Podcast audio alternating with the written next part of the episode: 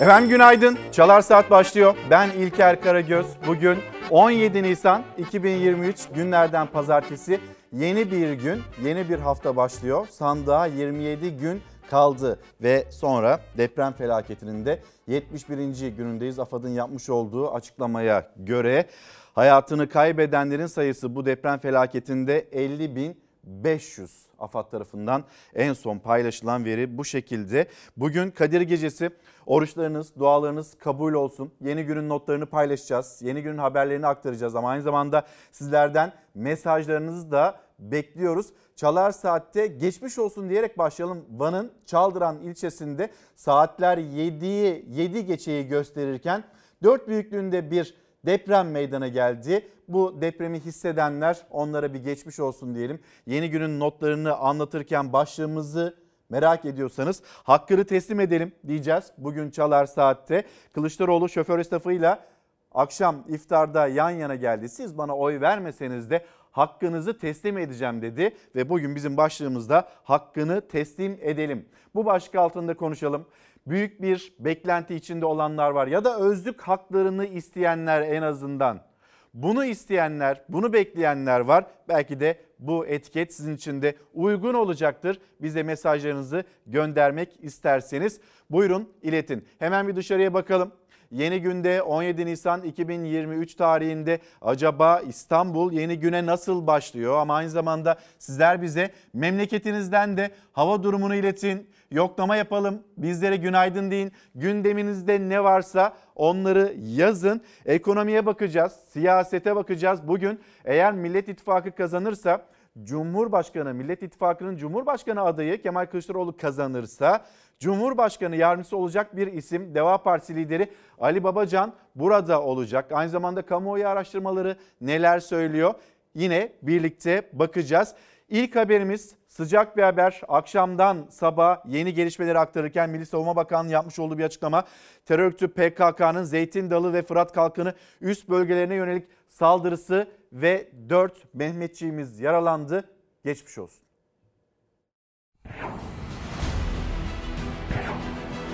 Terör örgütü YPG PKK Suriye'nin kuzeyinde Mehmetçiğe saldırdı. Hain saldırıda 4 askerimiz yaralandı. Mehmetçik teröristlere misliyle karşılık verdi. Milli Savunma Bakanlığı duyurdu hain saldırı haberini Suriye'nin kuzeyindeki Zeytin Dalı ve Fırat Kalkanı üst bölgelerine terör örgütü YPG PKK eş zamanlı saldırı düzenledi. Saldırılarda 4 asker yaralandı. Yaralı askerler Kilis Devlet Hastanesi'nde tedavi altına alındı. Mehmetçik o saldırıları yanıtsız bırakmadı. Türk Silahlı Kuvvetleri teröristlerin belirlenen hedeflerine misliyle yanıt verdi. Çınralar terör hedeflerini imha etti. Bu saldırılara misliyle yanıt geldi. Türk Silahlı Kuvvetlerimizden ayaklarına taş değmesin. Şimdi e, gündemden birkaç başlığı söyleyeyim.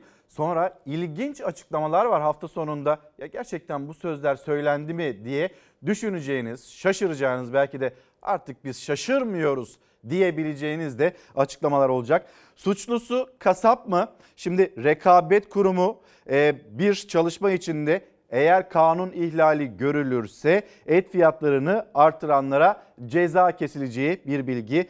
E, CHP'li Gürsel Tekin pazardan bildirdi. Tavuk kemiği 4, bir dilim karpuz 43 lira, soğan hala pahalı. Ankara 100. yıl pazarına gittim dün ve oradan birkaç fotoğraf çektim. Etiketlere yine birlikte bakalım.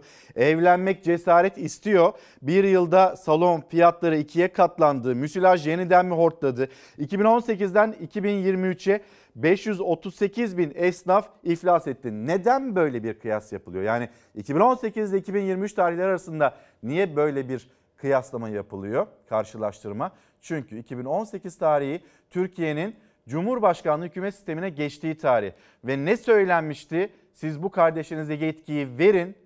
Pahalılıkla, enflasyonla, dolarla, euroyla nasıl mücadele edilirmiş göreceksiniz demişti Cumhurbaşkanı. E şimdi 2018'de durum neydi? 2023'te acaba tablo bize neyi gösteriyor? Konuşacağız. Şimdi dünyanın yine dikkatli takip ettiği bir yer. Orası da Sudan.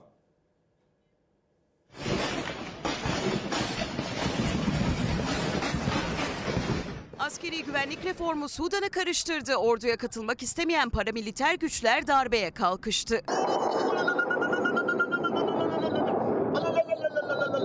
Kuzey Afrika ülkesi Sudan Ekim 2021'den sonra bir kez daha darbe girişimine sahne oldu. Başkent Hartum ve birçok kentten silah sesleri yükseldi.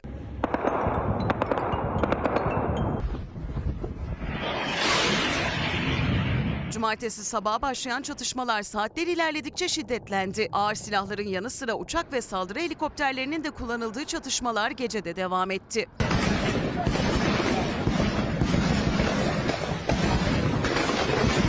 Çatışmalar sürerken Türkiye'nin Hartum Büyükelçiliği açıklama yaptı. Ülkedeki Türk vatandaşlarından evlerinde kalmaları ve gerekmedikçe seyahat etmemeleri istendi. Sudan Merkezi Doktorlar Komitesi iki günde en az 60 sivilin hayatını kaybettiğini duyurdu. Yaralı sayısının 600'ün üzerinde olduğunu belirtti. Ordu ve milis güçlerin kayıpları hakkındaysa bir bilgi yok. Dünyanın gözünü bölgeye çeviren darbe girişiminin nedeni askeri yönetim ve paramiliter hızlı destek kuvvetleri arasında sivil yönetime geçiş süreci konusunda yaşanan anlaşmazlık. Askeri yönetim milislerin paralel ordu gibi hareket etmesinden rahatsız. Bu nedenle askeri güvenlik reformuyla sayıları 100 bini bulan milisleri orduya katmayı planlıyor. Devrik lider Elbeşir döneminde kurulan hızlı destek kuvvetleri ise buna karşı çıkıyor. Sabiha Hanım günaydınlar. Selamlarımızı iletelim bizler de size de hayırlı kandiller. Emekli dul yetimlere zam yapılmadı. Lütfen sesimizi duyurun. Evet bununla ilgili vaatte de bulunulmadı ama bir emekliyi diğer emekliden neden ayırıyorlar diye e sizin aklınızda bir soru. Bizim aklımızda pek çok soru. Bunu bir kez daha dillendirmiş olalım. En son e, CHP lideri Millet İttifakı'nın Cumhurbaşkanı adayı Kemal Kılıçdaroğlu'ndan bu yönde bir açıklama geldi. Biz sizi unutmayacağız. Gereken neyse bizim eğer seçimi kazanırsak biz sizin haklarınızı teslim edeceğiz dedi. Bir kez daha söyleyelim başlığımızı. Hakkını teslim edelim. Hayırlı kandiller diyen pek çok izleyicilerimiz, izleyicimiz var. Dul yetimlere de hakkını teslim edelim diyen izleyicilerimiz var. Sonra bir günle 17 yıl daha çalışılır mı diyen emeklilikte yaşa takılanlar hem onların yaşadığı mağduriyet hem de stajla ilgili problemler hem de o güne itirazlar devam ediyor. Hepsini birlikte konuşacağız. Bunları konuşurken Türkiye'nin gündemini konuşurken aynı zamanda biz evlatlarımızı onların geleceğini de konuşmak zorundayız. SMA'lı bebeklerimiz. Bakın şimdi açıklamalar var. Mesela Cumhurbaşkanı Erdoğan bizim kitabımızda israf yok dedi. Hafta sonu gelen açıklamalardan bir tanesi buydu ama 2015 yılındaki o eğer israf olmasaydı vatandaştan vergi almamıza gerek kalmazdı diyen isim yine bir AK Partili Bülent Arınç. Onun sözlerini bir hatırlayalım. 2015'te bu sözler söyleniyor. 2023'te e, bizim kitabımızda israf yok deniyor. Eğer bu olmasa bu ülkenin kaynakları herkese fazla fazla yetecekken biz nasıl bir pahalılığı yaşıyoruz? Ya da değerlendirmeyi bu şekilde yapmak ne kadar doğru? Hem size sorayım hem de birazdan e, Ali Babacan burada olacak Deva Partisi Genel Başkanı. Kendisine de soracağımız sorular arasında. Peki biz neyi unutmayacağız? SMA'lı bebeklerimizi unutmayacağız. Ali Efe'yi unutmayacağız. Daha pek çok bebeğimiz var. Aileleri valilikten almış oldukları onaylarla evlatlarını yaşatmaya çalışıyor. Ali Efe'nin sesini duyalım. Ben Emel Irk, Ali Efe'nin annesiyim. Ee, Ali Efe'miz şu anda 4,5 aylık. Biz 18 günlükken öğrendik topuk kanından alınan örnekle. Yani böyle bir sonuç aldığınızda direkt bence çalışmalara başlayın. Çünkü e, inanmadığınız zaman zaman kaybediyorsunuz. 6 ay e, olmadan, belirtileri yaşamadan e, bizim bu ilaca ihtiyacımız var. Çünkü bu ilaç e, erken alındığı zaman %98-99'a kadar iyileşme payı olduğu söyleniyor. E, hani kimsenin kafasında soru işareti kalmasın. Çocuklarımız gerçekten iyileşiyor ve ben bir anne olarak evladımın gözümün önünde erimesini istemiyorum. E, bizim başımıza gelmez demesin kimse çünkü bizim de aklımızın ucundan geçmezdi böyle bir şey. Üzgünüz tabii ki. Yani sonuçta e, bize bir zaman biçiliyor. Diyor ki işte kampanya bitmezse çocuğunuz 2 yaşına, 2,5 yaşına kadar yaşar. Yani bu çocukların e, birini değil sadece Alefe'yi değil bütün çocukları kurtarmak hepimizin elinde. Ben bir anne olarak rica ediyorum lütfen bu çocukların üzerinden ellerinizi çekmeyin diyorum. Çok teşekkür ediyorum. Deprem bölgesinden söz edeceğiz. Hatay'dan, Kahramanmaraş'tan, Gaziantep'ten, Adıyaman'dan, buralardan, bu illerden haberlerimiz var. Aynı zamanda işin bir de seçim boyutunu konuşacağız. Çünkü artık sandığa 27 gün kaldı. Deprem felaketinin 71. gününü yaşarken açıklamalara devam edelim. Hafta sonunda gelen açıklamalardan mesela Yasin Aktay e, Cumhurbaşkanı Erdoğan'ın danışmanı kendisi. Hazreti Musa kölelere özgürlük verdi. Kapris yapıp soğan diye söylenmeye başladılar. Şimdi böyle bir açıklama neden yapılır? Sonra birkaç gün öncesine döndüğümüzde AK Parti Genel Başkan Vekili Numan Kurtulmuş ya biz TOG'dan söz ediyoruz onlar soğanı anlatıyorlar bize diye bir yaklaşım. Açı açı ilerleyeceğiz. Sizler de böyle ben bunu hatırlatayım bu duymuş olduğunuz sözlerle ilgili düşüncelerinizi de merak ediyorum. Yazıp gönderebilirsiniz. İlker Karagöz Fox, Instagram adresim Karagöz İlker'de, Twitter adresim. Sonra Adalet Bakanı Bekir Bozdağ bir solcuyu Cumhurbaşkanı seçtirmek için 5 tane sağcı ittifak etmiş canla başla çalışıyorlar. Çok ilginç bir şey bu. Yani kimse kendi ittifakına bakmıyor, kendi ittifakının bileşenlerine bakmıyor. Herkesin gözü diğer ittifakta, diğer ittifakın vaat ettiklerinde. Böyle karşı tarafa söz söyleye söyleye mi ilerlenecek? Yoksa herkes kendi yaptığını ya da yapacaklarını mı anlatacak?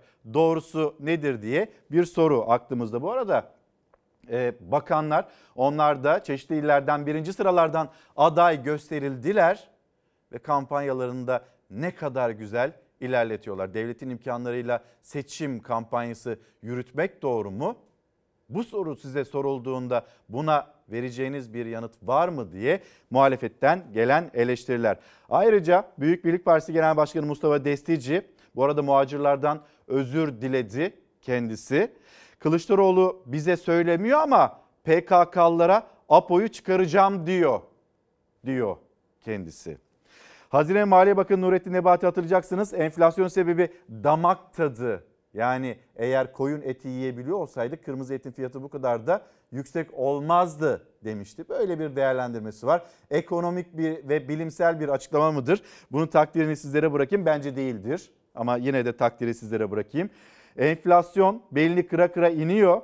Birileri koyun etinin kokusundan dolayı yenmeyeceğini söylüyor. Koyun eti yağlı, koyun eti güzeldir. Koyun eti bu ülkede, bu ülkeye de en güzel tadı verir demiş kendisi. Ulaştırma Bakanı Adil Kara İsmailoğlu da 2023 seçimleri beka meselesidir diyor. Evet doğru söylüyor. 2023 seçimleri pek çok açıdan beka meselesidir. Şimdi ilerleyelim. Devam edelim. Hatay'a gideceğiz. Hatay e, orada insanlar Hatay'a ulaşmaya çalışıyor. Sevdikleri için, evleri için, oradaki ihtiyaçları için ulaşmaya çalışıyor. Bir yandan da hani sandık için, oy kullanmak için de ulaşmak isteyenler var ve onların sesi. Allah beterinden saklasın. Amin abi amin amin. Sık son hali arkadaşlar. Hatay Havalimanı'nda uçuşlar kafa karışıklığı yarattı. Seçimlere kadar Hatay'a uçuşlar ertelendiği iddiasına Türk Hava Yolları Genel Müdürü Bilal Ekşi yanıt verdi. 16 Şubat'tan beri sadece insani yardım ve kurtarma ekiplerine izin verildiğini, o tarihten beri yeni bir kural getirilmediğini söyledi. Pist daha burada var, ileride var. İkameti Hatay'da olan ve seçimde Hatay'a gitmesi gereken seçmen Adana üzerinden geçiş yapabilir. Ancak direkt uçuş olmamasına tepki yağıyor. Deprem bölgesine uçuşlarımız aksamadan ve sabit 550 TL fiyat ile sürdürülmektedir. İmkanlar ölçüsünde ek seferler de konulmaktadır. Hatay'da bu çerçevede seferlerimiz aksamadan devam etmektedir. Ekşi, Devlet Hava Meydanları İşletmesi'nin bildirisi üzerine 16 Şubat'tan beri yeni bir uygulama olmadığını paylaştı. Hatay'a 16 Şubat tarihinden itibaren DHMİ'nin yayımladığı NATOM sebebiyle gidişte yolcu alınmamaktadır. Sadece insani ve kurtarma amaçlı yolcular hariç. Hatay çıkışında ise normal yolcu alınmaktadır. Hatay'a uçuş yok, dönüşlerse açık. Hatay'da oy kullanması gereken vatandaş nedenini sorguluyor, açıklama istiyor. sandıkla ilgili, güvenliğiyle ilgili merak ettiğiniz ya da yaşadığınız endişeler varsa lütfen bunları da bizlere ulaştırın. Ee, az sonra e, kamuoyu araştırmacısı yazar Bekir Ağırdır'la konuşacağız. Bu seçim ilk turda biter mi, bitmez mi? İkinci tura kalırsa sebebi acaba ne olur? Seçmenin vaatlere yaklaşımı, sonra siyasi partilerin, yarışa girecek olan partilerin seçmene vermiş olduğu sözler hepsini birlikte ele alacağız, değerlendireceğiz ve sandığa 27 gün kala seçim günlüğü. 14 Mayıs'ta öyle bir seçim yapacağız ki Türkiye kazanacak. Sağcı solcu demeden hep beraber daha fazla demokrasi diyeceğiz ve ortak Cumhurbaşkanı adayımız Sayın Kemal Kılıçdaroğlu'nu ülkemizin 13. Cumhurbaşkanı yapacağız. Beş tane sağcı bir araya gelmiş bir tane solcuyu iktidar etmek için uğraşıyorlar. Ali Babacan İstanbul'dan ses verdi. Ayrım yapmadan bir ve beraber olacağız. Kılıçdaroğlu'nu 13. Cumhurbaşkanı yapacağız dedi. İstanbul'da partisinin düzenlediği iftardaydı Babacan. Yanında da Millet İttifakı'nın Cumhurbaşkanı yardımcısı adayı Ekrem İmamoğlu vardı. Umut ediyorum 15 Mayıs hepimize bir demokrasi bayramı olsun. Artık vakit doldu arkadaşlar. Artık Türkiye'de iktidarın değişme zamanı geldi. Babacan iktidarın seçim beyannamesini açıklayan Erdoğan'a yüklenirken Millet İttifakı'ndan kopya çekmiş dedi. Mülakatı kaldırma sözü üzerinden yüklendi. 20 yıldır iktidarda olanlar çıktılar bir seçim beyannamesi açıkladılar. Bir baktık baştan aşağı kopya ya. Sayın Erdoğan ne diyor? Artık diyor mülakatı kaldıracağız diyor. Ya bir dakika. En büyük haksızlık, kayırmacılığı yapan siz değil misiniz? Mülakatı işine gelmeyenleri devlete sokmama için çalışan siz değil misiniz? Memleketi Kayseri'den birinci sıra milletvekili adayı olan Milli Savunma Bakanı Hulusi Akar seçim çalışmalarına start verirken Millet İttifakı ortağı CHP ve İyi Parti'nin il başkanlıklarını da ziyaret etti. Ziyaretleri sırasında CHP övgüsü ve ayrımız gayrımız yok vurgusu dikkat çekti. Cumhuriyet Halk Partisi köklü bir parti. Birbirimizi tanıyoruz, birbirimizi biliyoruz.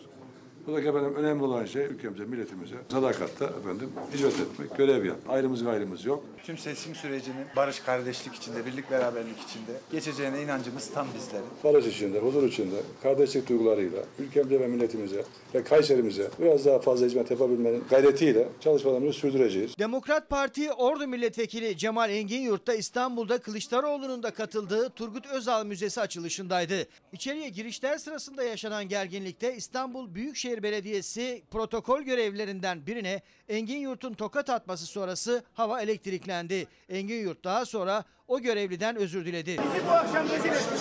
Al televizyon çekecek şimdi. Bizi gerekmez. Ya çek be ablam çek. Yani ben özür diliyorum. Öpüyorum. Gel kardeşim. Öpüyorum seni. Bunu da çeker misin? Millet İttifakı ortaklarından Saadet Partisi ise CHP listelerinden seçime girmeleri kararlaştırılan milletvekili adaylarını İstanbul'da tanıttı. Milli görüşçüler ahdine sadık insanlar olduklarını bir kez daha cümle aleme gösterecektir. Kılıçdaroğlu'nu Türkiye'nin 13. Cumhurbaşkanı yapacağız. Şimdi 5 tane sağ parti, bir sol parti ve onlarla koalisyon içinde, bir birliktelik içinde ve solcu bir ismi Cumhurbaşkanı seçtirmek için ellerinden geleni yapıyorlar. Canla başla mücadele ediyorlar diyor Adalet Bakanı Bekir Bozdağ. Şimdi burada belki de altını çizmemiz gereken konu şu. Artık meselenin bir sağı ya da bir solu yok. Mesele tamamıyla bir sistem meselesi. Cumhurbaşkanlığı hükümet sistemi bu ülkeye bir fayda getirdi mi? Ekonomik anlamda 2018 yılından 2023 yılına acaba hayatınızda daha mı ileriye gittiniz? Daha mı mutlusunuz? Daha mı ferah içinde yaşıyorsunuz? Yoksa bu sistem ya da bu sistemle birlikte daha geriye mi gittiniz? Soru bu. Ve biz aslında 14 Mayıs tarihinde bir referanduma gidiyoruz. Yine referanduma gidiyoruz. İsimlerden bağımsız bir sistemi oylayacağız en başında. Çünkü bir tarafta Cumhurbaşkanlığı hükümet sistemini savunan Cumhur İttifakı, diğer tarafta hayır bu ülkenin doğrusu güçlendirilmiş parlamenter sistemdir. Tek kişinin sözüyle hareket eden bir devlet yapısı değildir diyen Millet İttifakı. Bir referanduma gidiyoruz. Sağ sol diye ayrıştırıldığında aslında meseleyi küçücük bir alana sıkıştırmak gibi bir gayret de var. E görüyor herkes, vatandaş da görüyor. Bakın sizlerden ge- gelen mesajlar hemen aktaralım. Hicri Akbulut yazmış. Bursa'dan günaydın. Tamam TOG'la, SİHA'larla övünelim. Hatta e, gemimiz var. TCG Anadolu. Onunla da övünelim. Türkiye'nin başardıklarıyla, Türkiye'nin gençleriyle, onların yaptıklarıyla, ilerici bakışlarıyla hepsiyle övünelim ama biz pazara çıkamıyoruz. Uzay hedefi konuluyor karşımıza. Pazara gidemiyoruz. E bunu da söylemeyelim mi diye Hicri Akbulut'un sözleri. Şimdi devam edelim. Yani bir tarafta siyasetin söyledikleri, diğer tarafta ki en kıymetlisi ve karneyi verecek olan sizlersiniz. Seçmenin, siz izleyicilerimizin söyledikleri hepsini birlikte konuşalım istiyoruz ve gelelim İyi Parti. İyi Parti adaylarını tanıttı. İyi Parti seçmene sözlerini sıraladı.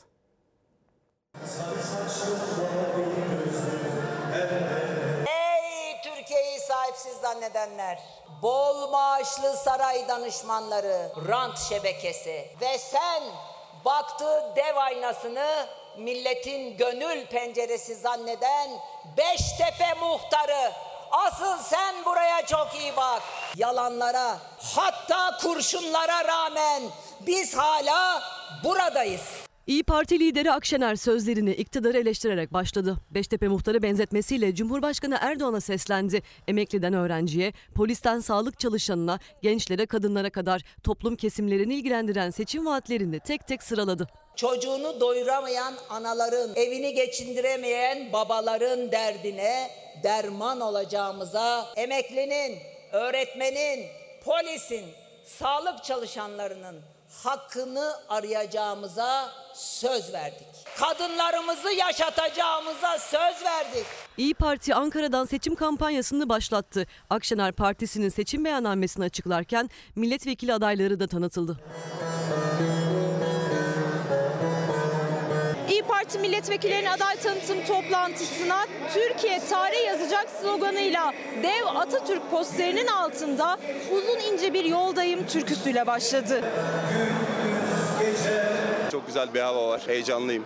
Depremde pek çok yakınını kaybeden ve günlerce depremzedelerin sesini duyurmaya çalışan Gökhan Zan gibi Alparslan Türkeş'in kızı Ayyüce Türkeş de İyi Parti'den aday. Tek adam sistemin ivedilikle değişmesi gerekiyor. Adalet, özgürlük getirmek. Bunun için elimizi taşın altına koyuyoruz. Hukukçu Ece Güner de İyi Parti ile siyasete atılan isimlerden milletvekili adaylarını tanıtmadan önce Akşener seçim beyannamesinin detayları için kürsüdeydi. Vaatleri arasında eğitimden ekonomiye, kadın haklarından çalışanların sorunlarına kadar altını önemli çizdiği başlık adalet oldu. Milletimizin sandıkta uğurlayacağı Recep Bey ve arkadaşlarına da adil davranacağımıza söz veriyoruz. İyi Parti lideri adalet vurgusu yaparken yine Erdoğan'a seslendi. Siz adaleti sağlayamadınız, insanımızı yaşatamadınız dedi. Özel yurtların insafına bıraktıkları Enes Kara'yı yaşatamadılar. Mülakat dediler, torpil düzenini sürdürdüler. Fedai öğretmenimizi yaşatamadılar. Alçaklığa ortak olanları bilmezlikten geldiler. Sinan Ateş'i de yaşatamadılar. Hemen her cümlesinde iktidarı hedef alırken muhalefetin eleştirilerine karşı iktidarın sergilediği tavrı da imalı bir üslupla dile getirdi Akşener. Bir gün hain, bir gün terörist ilan ediliyoruz. Hatta gün geliyor bu ülkenin kadınları olarak sürtük bile ilan edilebiliyoruz. Çiftçiye terörist demiş. Recep Bey ve şürekası mağdur oluyor. Mesela asgari ücretliler geçinemiyor ama her kadroya çöküp her ihaleyi kapanlar zırıl zırıl ağlıyorlar. Kereste gibi adamlar mağdur diye geziyor ya. İyi Parti seçim beyannamesinde çocuk, genç ve hayvan haklarına da ayrı bir parantez açtı. Akşener seçim kampanyasını iddialı sözlerle başlattı. 15 Mayıs'ta iktidar olmaya hazır mısınız? İyi Parti lideri Akşener programına milletvekili adaylarıyla iftar yaparak devam etti. İktidar sözü verdi İyi Partililer aslında genel başkanlarına. Yeliz Kahraman Yüksel günaydınlar teşekkür ederiz. EYT'liler maaşlarına ne zaman kavuşacak diye soruyor. 3 Mart'ta başvurduk hala bekliyoruz. E, Yeliz Hanım inanılmaz bir yoğunluk var ve orada SGK'da çalışanlar gece gündüz mesai yapıyorlar yetiştirebilmek için. Artık ne zaman yetişirse, ne zaman sizi sisteme dahil ederlerse ondan sonra da o emekli maaşlarını almaya başlayacaksınız. Böyle hızlı hızlı yapıldığında da pek çok hataların olduğunu görüyoruz da haberleştiriyoruz da. Devam edelim. Millet İttifakı'nın Cumhurbaşkanı adayı Kemal Kılıçdaroğlu sınırın ötesinden seslendi. Ötekileştirmeden herkesi kucaklayacağız dedi. Hayırlı uğurlu olsun diliyoruz.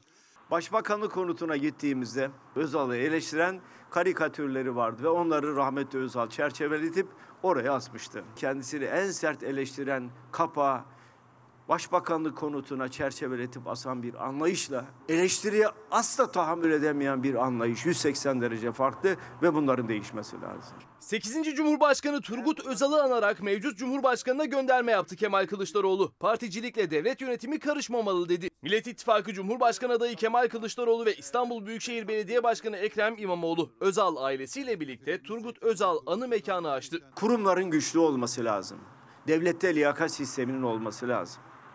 Devleti yönetenlerin partiyle devleti karıştırmaması lazım. Memleketimize, devletimize yapmış olduğu güzel hizmetleri bu ebedi yolculuğunda kendisine yoldaş ve de arkadaş eyle. 8. Cumhurbaşkanı Turgut Özal'ın 30. ölüm yıl dönümünde anıt mezarının yanı başında İstanbul Büyükşehir Belediyesi tarafından bir anı mekanı açıldı. İlk ziyaretçisi de Millet İttifakı'nın Cumhurbaşkanı adayı Kemal Kılıçdaroğlu oldu. İstanbul Büyükşehir Belediye Başkanı Ekrem İmamoğlu'yla Gelecek ve Deva partilerinin genel başkanları da Kılıçdaroğlu'nun yanında. Sayın Başbakanım topyekun ayrı yazılmaz birleşik olurmuş ona bir baksın. Akademisyenlik hastalığı işte hemen göze çarpıyor kusura bakmayın. İmamoğlu açılışta siyasetle ilk kez Özal'ı görerek tanıştığını anlattı. Çocuk yaştayken belki de siyaseti ilk tanımama fırsat olan Anavatan Partisi ve rahmetli Turgut Özal'ın rüzgarıydı. Benim de babam kendisine Trabzon'da yol arkadaşlığı yapmıştır.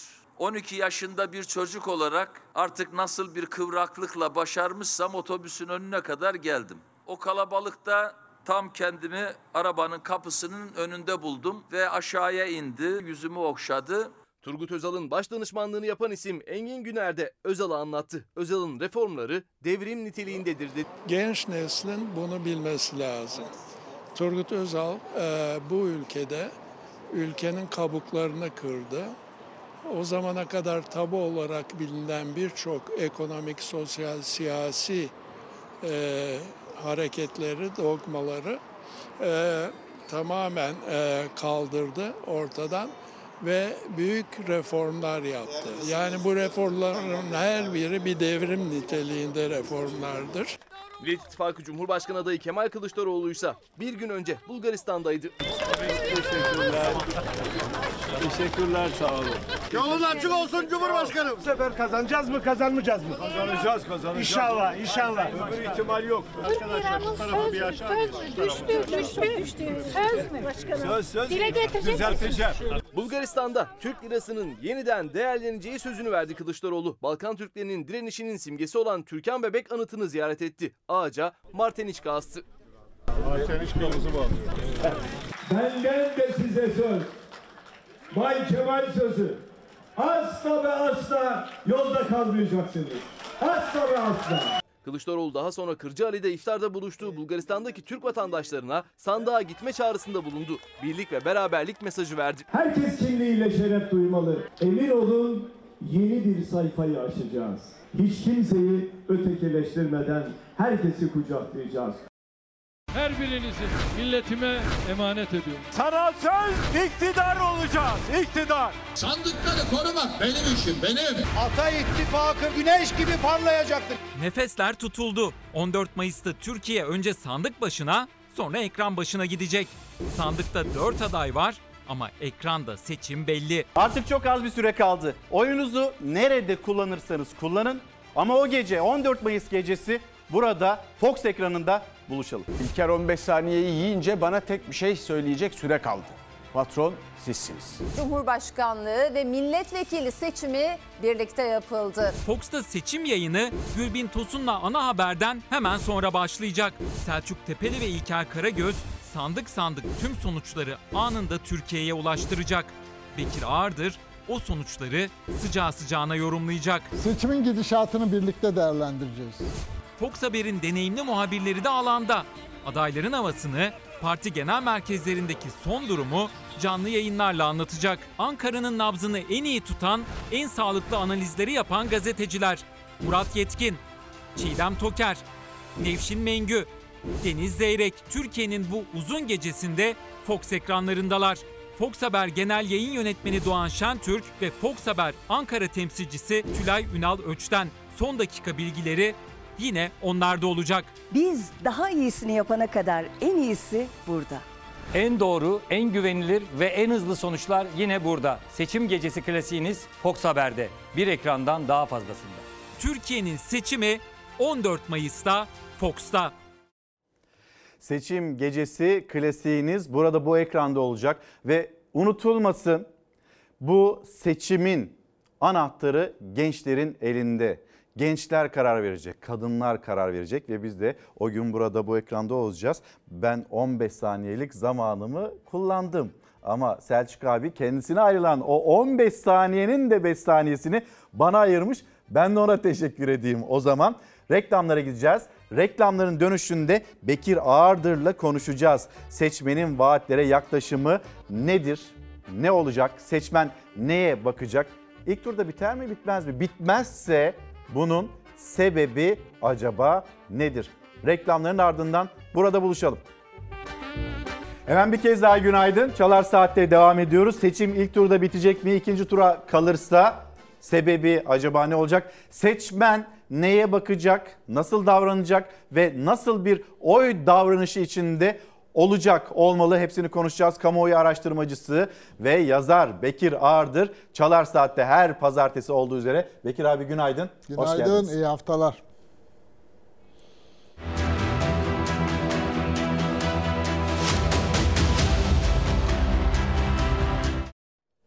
Şimdi Cumhurbaşkanı Erdoğan'dan bir sesleniş ve diyor ki Cumhurbaşkanı tepkiyle küsmeyle oy verilmez. Dinleyelim nasıl oy verilir konuşalım. Seçim tercihi öyle öfkeyle kalkarak, küserek, tepkiyle hareket edilerek verilecek bir karar değildir. Noter masası değil. Kumar masası değil. E güzel. Peki orada ne işin var? Öyle mi?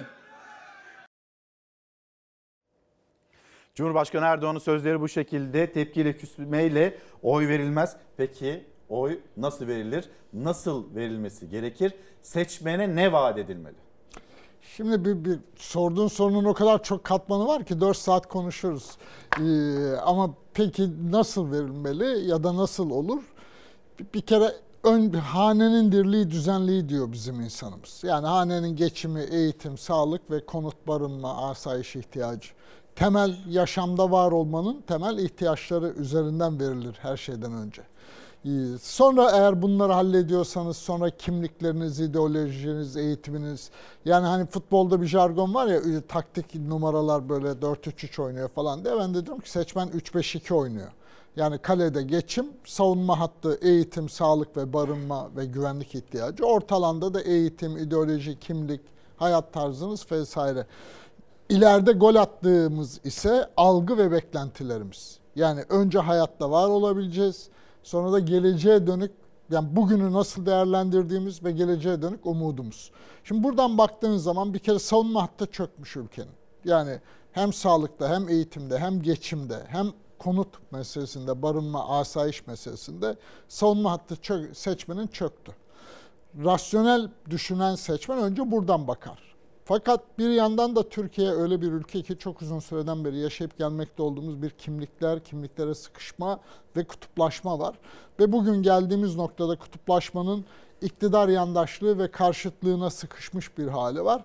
Dolayısıyla bu gidişatın değiştirilmesi arzusu var. Sayın Cumhurbaşkanı'nın zaten e, böyle oy verilmez derken söylemeye çalıştığı tabii AK Parti'ye özel ya da bu iktidara özel de bir durum var. Nedir o?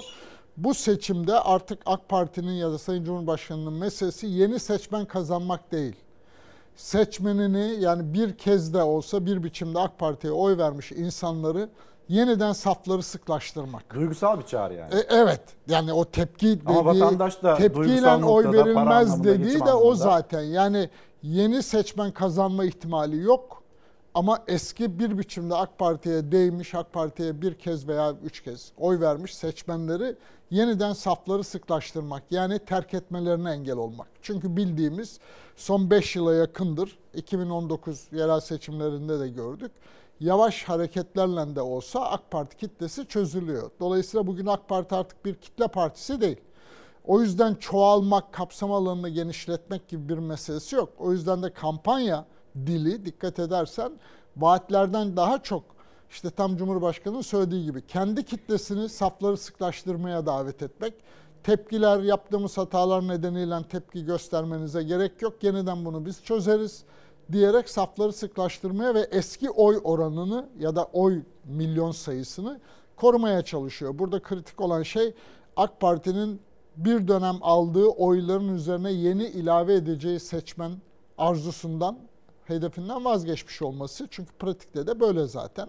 Ee, o yüzden de bütün araştırmalar gösteriyor ki AK Parti artık belli bir kitlenin içine sıkıştı. Giderek büzülüyor. Büzülürken de o etrafındaki bizim sempatizan seçmen dediğimiz yani kimliğiyle bir aşk ve sadakat ilişkisi yok.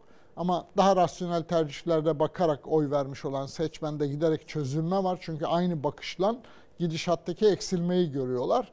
O yüzden de Cumhurbaşkanı hani safları sıklaştıralım çağrısı yapıyor. Şimdi işin bir de elbette ekonomi boyutu var. Seçmen burada davranışlarını ya da kararını sosyal medyaya bakarak da, sosyal medyada devam eden tartışmalara bakarak da şekillendirebilir mi? Onları da konuşalım. Ama Ekrem İmamoğlu, Ekrem İmamoğlu eğer e, Kemal Kılıçdaroğlu seçilirse e, ve Cumhurbaşkanı olarak göreve başlarsa Cumhurbaşkanı yardımcısı olabilecek isimlerden birisi ve verdiği mesajlar. Bir kişinin isteği keyfi doğrultusunda değil, tüm paydaşların ihtiyaçlı ihtiyaçları doğrultusunda karar alıyoruz.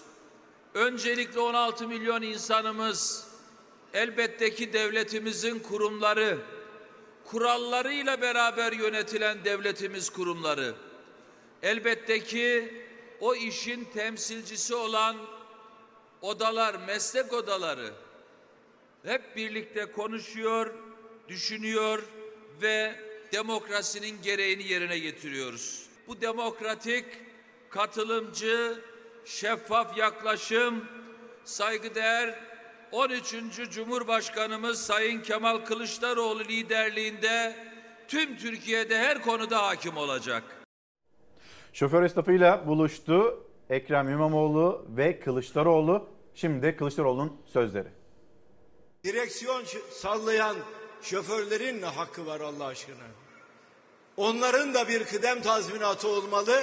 Onların kıdem tazminatı plaka sınırlamasıyla gelmeli. Plaka değerlendiği andan itibaren onların da hakkının teslim edilmesi lazım. Dolayısıyla kamyonlar için, tırlar için, otobüsler için plaka sınırlaması getirilmesi lazım. Her önüne gelen kamyon alırsa, her önüne gelen tır alırsa her önüne gelen otobüs alırsa o zaman ne olacak? Devlet diyor ki 65 yaş ve üstü olanlar belediye otobüslerine veya kentteki taşıma sağlayan otobüslere ücretsiz binerler. Eyvallah binsinler kimse itiraz etmiyor. Ama bunun yükünü ya otobüs şoförünün üstüne, sahibinin üstüne veya belediye başkanına yıkıyorlar veya ikisine beraber yıkıyorlar. Eğer devlet adil olursa bedava taşıyacaksan adil devlet o bedava taşıdığı kişinin parasını her ay düzenli o vatandaşın banka hesabına yatırır. Mesele de biter. Siyaseti iyilikte yarışma olarak görüyorum. Diğer siyasiler gibi değilim. Sizin oy versin vermesin. Mağdur olan kim varsa onun yanında olacağım. Ve onun hakkını hukukunu teslim edeceğim. Bundan emin olmanızı isterim. Bugün başlığımızda hakkını teslim edelim. Şimdi e, konuşacağız ama bir pazar fiyatlarına da bakalım mı Bekir Bakalım. abi? E, dün Ankara'da 100. yıl pazarına çıktık. Hani böyle günlerdir, haftalardır soğan fiyatları üzerinden konuşuyoruz. Bir soğanın fiyatına bakalım, bir sarımsağın fiyatına bakalım. Bir de erik. Eriğin yarım kilosu inanılmaz. Yarım kilosu 120 lira. Can erik kütür kütür yiyeceksin ama e 120 lira yarım kilosu yavaş yavaş düşüyor. Acaba nereye kadar düşecek? Böyle 30'da sabitlenir mi? Ee, kuru soğan 30 liraydı. Beli kırıldı mı acaba? 25 liraya gerilemiş e, durumda pazarda ve sarımsağın Demeter'in de 70 lira olduğunu söyleyelim. Bunlar bizim dikkatimizi çekenler. Siz de ekranları karşısında bulunan izleyicilerimiz bize pazarda karşılaştığınız e, bu etiketleri anlatırsanız, bizimle paylaşırsanız seviniriz. Muhalefet neyi vaat etmeli? Şimdi bir birçok şey söyleyeceğim ama önce bu arkadaki ekranla ilgili bir şey söylüyorum. Biliyorsun AK Parti'nin bir reklam filmi yayınlanmaya başladı. Oldukça da duygusal bir film. Vazgeçilir mi falan diyen. Orada bir manav sahnesi var biliyorsun. Bütün Evet. hikaye orada geçiyor. Ama ilginç bir şey var. O filmdeki manavda hiçbir fiyat etiketi yok. Yani fiyatsız hani adeta gelenin ver torbayı deyip gittiği bir şey manav.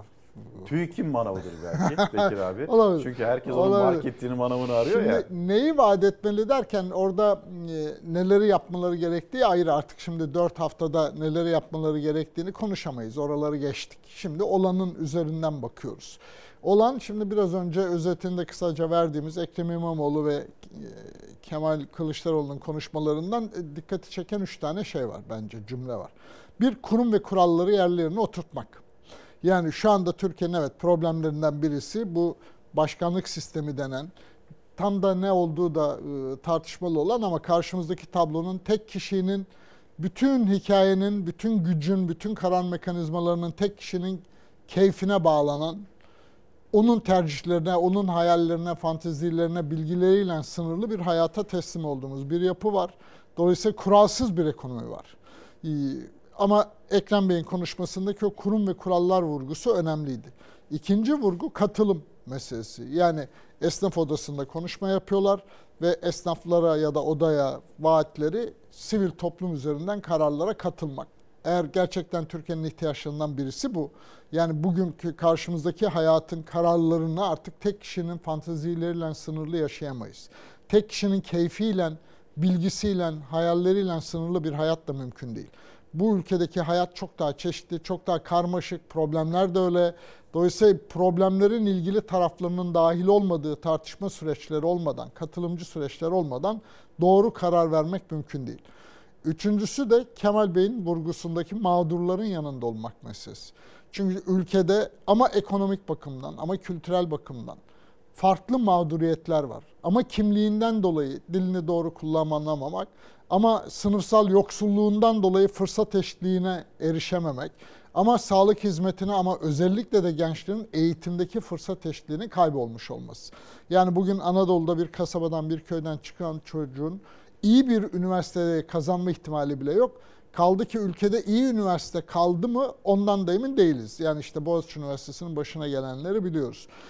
Dolayısıyla karşı... Harran Üniversitesi'ni konuştuk. E, Yani şimdi burada sorun üniversite e, yani üniversitelerin ya da özel okulların yani özel derken mülkiyet anlamında özel değil yani işte Galatasaray Lisesi gibi, Saint Joseph gibi ya da Kabataş gibi ya da Anadolu liseleri gibi köy enstitülerinden başlayarak bu ülkenin de eğitim konusunda başardığı işler var. İşte ODTÜ gibi, Ortadoğu Teknik Üniversitesi gibi, İstanbul Teknik Üniversitesi gibi gerçekten başarılı örnekler var. Bir dönem uygulanan parasız yatılı okumak leyli meccane denirdi. Ben de öyle okudum örneğin. Devlet okuttu beni. Şimdi bütün bu imkanların kalmadığı ve bütün bu deneyimlerin, kazanımların yok edildiği ve her sokaktaki Anadolu Lisesi'ni ya da liseye önce Anadolu Lisesi tabelası peşinden de İmam Hatip Anadolu Lisesi tabelasının asıldığı eğitimin içinin işte PISA testlerini dünya ile kıyasladığımız zamanki durumları görüyoruz. Dolayısıyla e, mağduriyet o kadar çeşitli ki bu ülkede. O yüzden de ben de şuna katılıyorum ki yürekten herhangi bir karar sürecinde yapılacak şey önce mağdurlardan yana pozisyon almaktır. Erkeğe karşı kadından, insana karşı doğadan, zengine karşı yoksuldan, patrona karşı çalışandan ama sonuç olarak bu ülkedeki bütün mağduriyetlerin yanında olmaktır. Ve yeni duygu dünyası, günümüz içinde, dünya içinde, Türkiye içinde yeni duygu dünyası da, siyasi dünyada bu mağduriyetlerin çeşitliliği karşısında yeni bir pozisyon belirlemek. Onun için iyiliği, vicdanı, merhameti, şefkati yani duyguları yeniden keşfetmek. O kadar böyle matematik teoriler tartışmaya başladık ki hayatın bütün o duygularını yedik, bitirdik. O nedenle bugün başka bir siyasete ihtiyaç var. Bu seçim ya da bu seçim satım hali. Ali Yaycıoğlu'nun çok güzel bir önerisi vardı 6 ay önce ben de katılıyorum.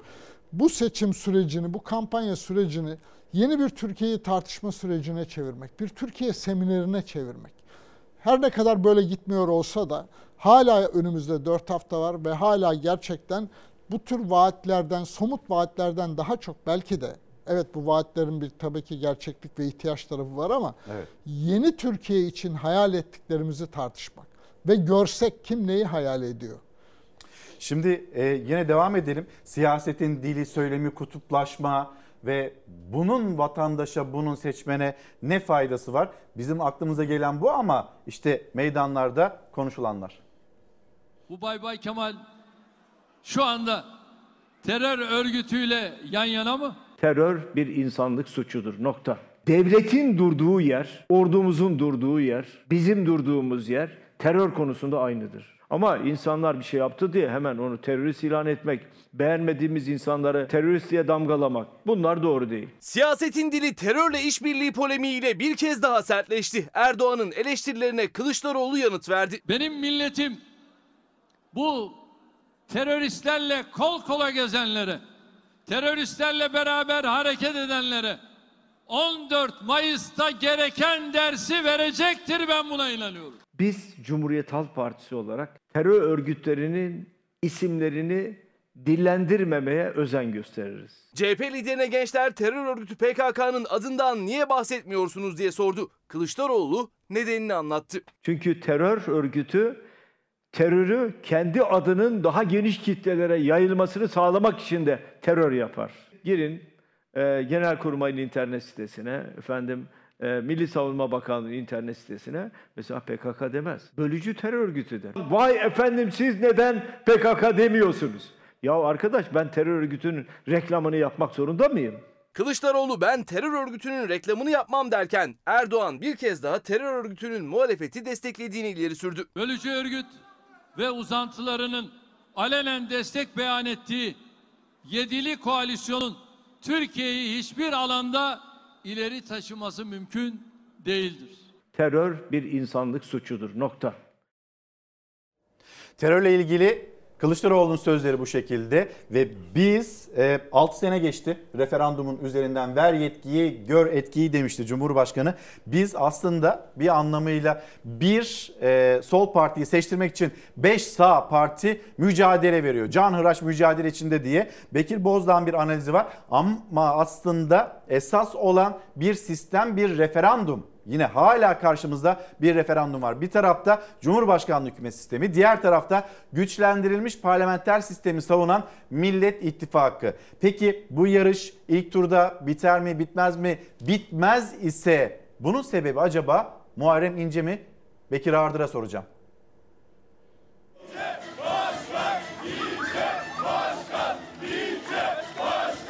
Önce meşhur dansını yaptı sonra da Ankara Bahçeli Evler'de bir cadde boyunca partilerle birlikte yürüdü Muharrem İnce. İnce'nin dans performansına gönderme yaparak Millet İttifakı'nın Cumhurbaşkanı adayına da dans hünerinizi gösterecek misiniz diye sordu gençler. Kılıçdaroğlu'nun yanıtı gülümsetti. Ama ilerleyen süreçlerde sizin de dans ettiğinizi görecek miyiz? Siz de dans etme konusunda hünerli misiniz? Bu zor soru hakikaten başkan. Şimdi bu işe beni bulaştırmayın.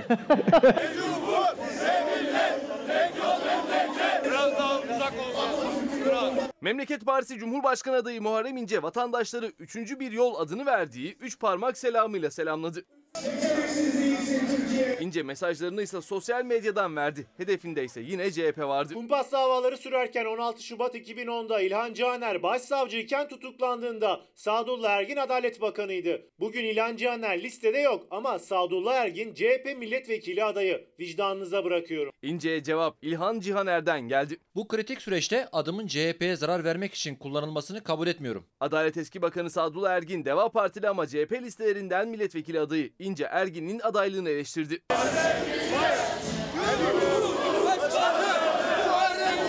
Memleket Partisi Cumhurbaşkanı adayı İnce Bahçeli Evler'den partililerle birlikte yaptığı kısa bir yürüyüşün ardından ayrıldı.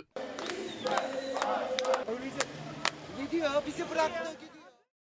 Seçmen bir karar verecek. Cumhurbaşkanlığı hükümet sistemiyle devam mı yoksa güçlendirilmiş parlamenter sistem mi? Yine bir referandum yok mu karşımızda yanlış mı?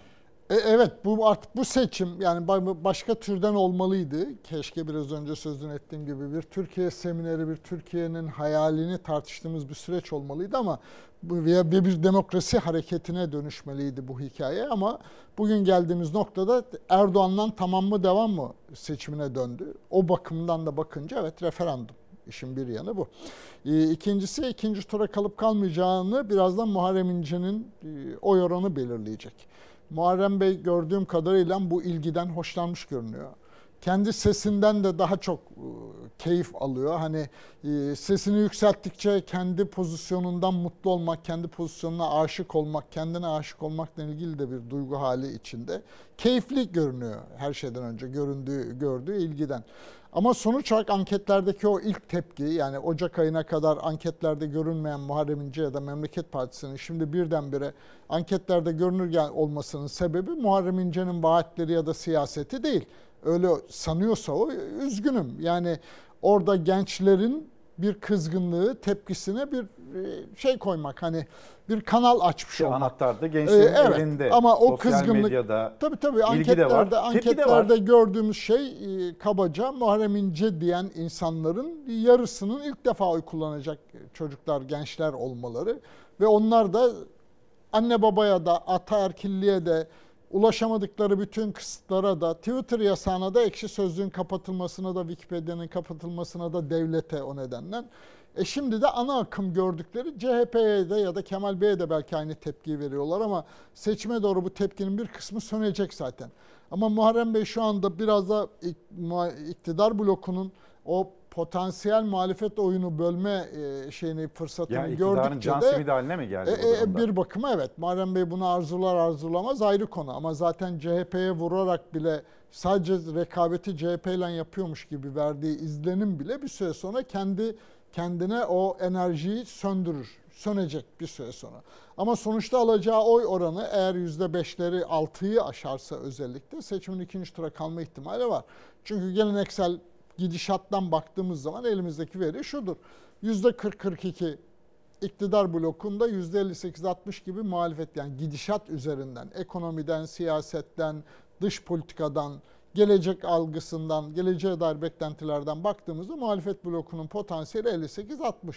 Bunun ne kadar bölünüp bölünmeyeceğini belirleyecek ikinci tura geçilip geçilmeyeceği. Muharrem Bey de orada bunu arzulamamış olsa bile kendisi sonuçta bugün geldiği ve ürettiği pozisyon muhalefet blokunun potansiyel oyunu, birinci turdaki potansiyel oyunu bölmektir. İkinci turda aynen böyle yani şunu unutmayalım ama seçimin ikinci turu bir muhasebe işlemi değil.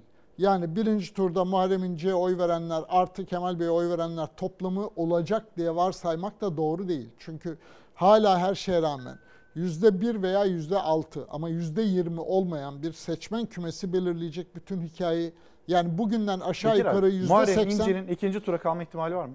Hayır canım öyle ihtimal yok. Yüzde onu geçme Peki, bu ihtimali bile içinde... bana sorarsan yok. Nasıl? Yüzde onu geçme ihtimali bile bana sorarsan yok. Yani önümüzdeki dört haftada hala çok şeyin değişeceğini sanıyorum. Evet anketlerde birden görünür oldu ama dediğim gibi bunun sebebi Memleket Partisi'nin ya da Muharrem Bey'in söylemleri değil. Bir kızgınlık ve tepkinin kendini ifade edecek bir mecra ya da kanal ya da fırsat bulmuş olması. Bu süreçte Muharrem İnce mesela kendisinin önüne gelen anketlere de bakıp geri çekilme, yarıştan çıkmak gibi bir düşüncesi olabilir Vallahi mi? Valla giderek o şansı kaybediyor ya da o fırsat artık önünde olmayacak. Çünkü en başta söylediğim gibi kendi sesine ve kendi pozisyonuna aşık olmuş durumda. Gördüğü ilgiden çok memnun ve mesut görünüyor. Yoksa öyle bir memleket partisi ya da Muharrem İnce dalgası sokaklarda falan yok. Her şeyden önce Muharrem İnce'ye oy veren insanların yani da araştırmalar üzerinden konuşuyoruz henüz. Oy veren insanların neye karşı olduklarını biliyoruz. Neden yana olduklarını bilmiyoruz. Neden yana oldukları üzerinden bir tercih konuşmuyoruz zaten. Neye karşı oldukları üzerinden bir tercih ve bir ifade, bir duygu hali konuşuyoruz. O da kızgınlık ve öfke. Ama neden yanalar onu bilmiyoruz. O yüzden bir süre sonra zaten sönecektir. Şimdi eğer seçim ikinci tura kalacaksa Muharrem İnce denkleminde işte yüzde beşi geçtiği takdirde Muharrem İnce ikinci tura kalma ihtimali yükselir. Yüksek. Bir. İki, İkinci turda da diyelim ki 6 aldı ve ikinci tura geçildi. Ee, Kemal Bey'in oyu artı Muharrem İnce oyu diye toplam yapmak yani muhasebe işlemi ya da aritmetik işlem yapmak doğru değil. Çünkü aradaki 15 günden itibaren bir kere elimizde parlamento oluşmuş olacak. Ve çok büyük olasılıkla parlamentoda herhangi bir yani 3 ana ittifak var karşımızda. Parlamentoda bu 3 ana ittifaktan herhangi birinin 301 milletvekilinin olmadığı bir tabloda görünür olacak önümüzde. Dolayısıyla e, hükümetin ya da iktidarın istikrar söyleminin kar, karşılık bulacağı bir acaba dedirtecek bir meclis tablosu olacak. O nedenle muhalefettekiler hani e, Bekir Bozdağ'ın da 5 sağ parti bir solu seçtirmek lafı falan. Halbuki muhalefettekiler şunu anlatmak durumundalar. Evet vaatler Ekrem Bey'in Kemal Bey'in konuşmalarını biraz önce Evet. konuştuk. Ama burada hikaye bir Türkiye'nin tam da şimdi koalisyonlara ihtiyaçları var. Neden? Çünkü Türkiye bugün o kadar çok büyük dizi felaket ve dizi problemle karşı karşıya ki bu problemleri tek bir kimlik ya da tek bir siyasi tercihle çözemeyiz. Aksine uzlaşmalarla ve bütün farklılıkların üzerinde uzlaşacağı, bütün farklılıkların da o uzlaşma sürecine dahil olduğu yeni bir siyaset biçimiyle çözeriz. O yüzden muhalefettekilerin şunu söylemesi lazım. Evet koalisyon ve tam da şimdi koalisyon demek gerekiyor ve demokrasi bu her şeyden önce demeleri gerekiyor. Seçmenin eğer dürtüsü, oy verme dürtüsü buradan çalışırsa biraz önce sözünü ettiğim gibi %55'i aşan bir oyla muhalefetin birinci turda kazanma ihtimali vardır. Ama hala iktidarın o safları sıklaştıralım söyleminin tabii bir karşı tepkisi de var. Burada da bir yanda saflar sıklaşıyor sonuç olarak. Evet. Negatif kutuplaşma dediğimiz başka bir yere dinamiğe dönüyor hikaye. Oraya gittiğiniz zaman ise evet iktidarın şansı görece yükseliyor. Çünkü kimliklerden baktığımız zaman muhafazakar kimlik daha yüksek. Ee, Ama yani hala bıçak sırtı böyle E, kazanılmış, şekliyle bitmiş denilebilecek bir tablonun içinde değil Hayır. Türkiye. Yani bu iş bitti demek mümkün değil. O yüzden herkesin ve hepimizin kimin kazanacağından önce önce seçim güvenliğini, sonra sandık güvenliğini sağlamamız. At, o sandığa attığımız oyun gerçekten sayılmasını sağlamamız. Hatta benim söylemem şu. Saat 11'de, 1'de, 2'de gittik oyumuzu verdik. Ama saat 5'te herkesin sandıkların başına tekrar geri dönüp oylarına sahip çıkması lazım. Sadece gönüllülere, sadece partilere bırakılamayacak kadar ciddi, kritik bir medeniyet tercihinde bulunacağız bu seçimde.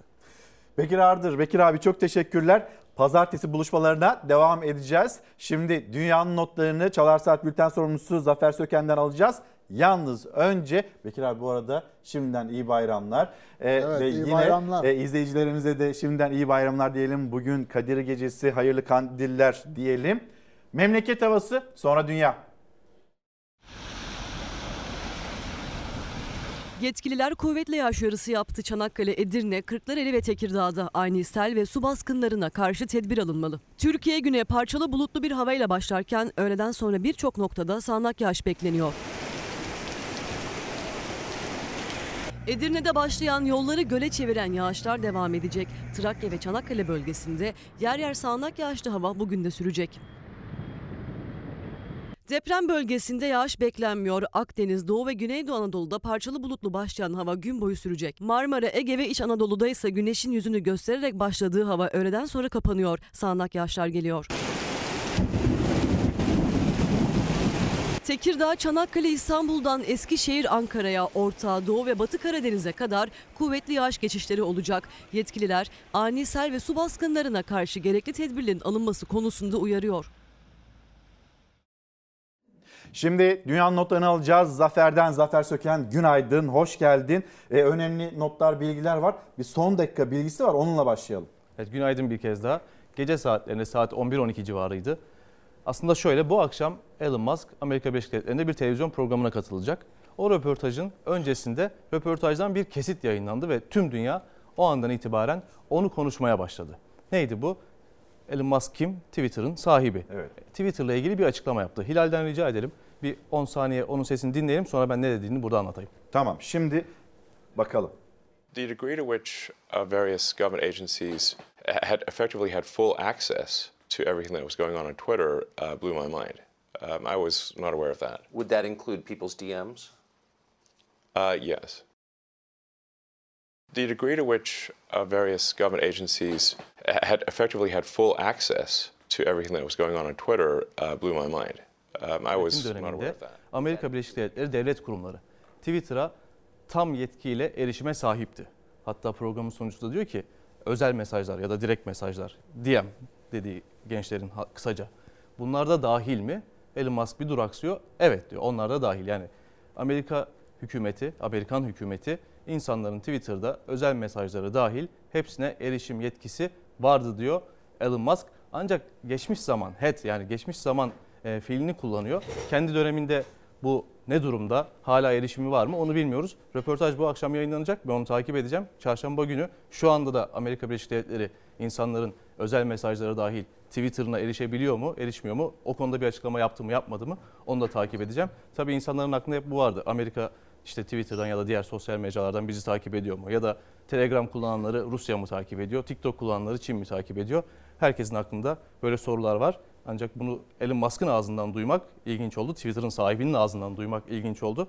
Biz de haberiniz olsun dedik insanlara. Kişisel bilgiler, kişisel veriler ne kadar e, güven içinde aslında bununla ilgili önemli bir bilgi idi. Şimdi gelelim e, gökyüzündeki, galaksideki bizim gözümüz imece.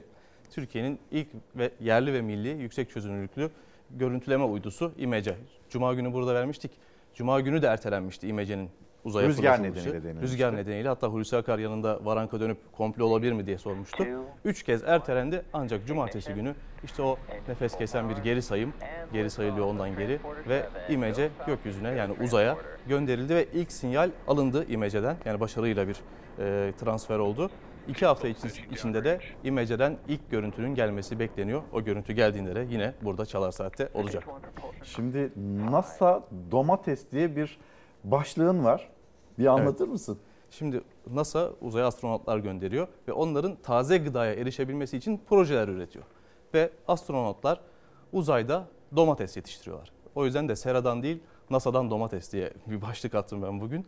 Ve o üretilen domates hafta sonunda da dünyaya geldi. NASA henüz onun görüntülerini yayınlamadı ancak yayınlayacak. Tadı nasıl olacak bilmiyoruz tabii. Yani uzayda böyle gelişmeler var ama bence Çanakkale domatesi kadar olamaz mümkün değil bir Çanakkale'li olarak. Şimdi hem Çanakkale domatesini savunalım hem de Ankara'nın Ayaş domatesini de ihmal etmeyelim. Devam edeceğimiz başlık Kabe. Evet, kutsal, kutsal, toprak. topraklar. Bugün de Kadir Gecesi tekrar mübarek olsun. Ee, Suudi Arabistan makamları bir açıklama yayınladı.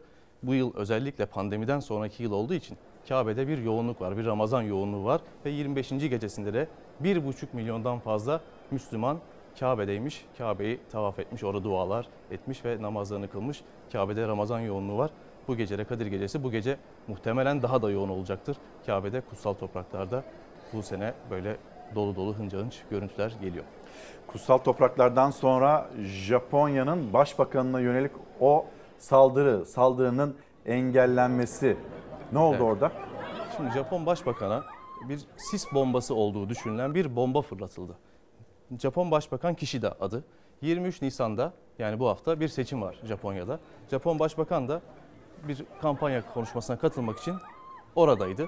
Gittiği eyaletin adını da hemen söyleyeyim. Wakayama. Wakayama'da bir balıkçı kenti işte orası. Oraya ziyarette bulundu. Ancak o sırada Japon Başbakan'a bir suikast girişiminde bulunuldu. Ve burada korumanın da cesareti herkesi konuşturuyor. Şimdi bomba geliyor. Ayağıyla bombayı öte tarafa itiyor. Çanta zırh var elinde. O çanta zırhı açıyor ve aynı zamanda Japon Başbakanı da diğer tarafa ittiriyor. Nasıl Yani bu kadar yaklaşabilmiş? Bir yandan da Biraz tabii uzaklardan atıyor ama yine de yaklaşmış tabii. Tabii 8 Temmuz'da da Japonya'nın eski başbakanı Evet. Abe suikast girişimi sonucunda öldürülmüştü. Yani suikast sonucunda öldürülmüştü daha doğrusu. Şimdi bu saldırıda onları akıllara getirdi. Ancak şu, burada ölen yok. Sadece bir polis hafif yaralanmış ve korumanın da bu dediğim gibi tekrar şimdi görüntüye geliyor. Hem ayağıyla bombayı uzaklaştırması, bir yandan o zırhlı çanta, zırhlı çantayı hemen açması ve başbakanı da uzaklaştırması çok çok konuşulmuş. Hani dosta güven düşmana korku verir derler ya öyle bir korumaymış Japonya'daki bu koruma. Şimdi Florida. Florida'ya gideceğiz. Orada yaşanan sel.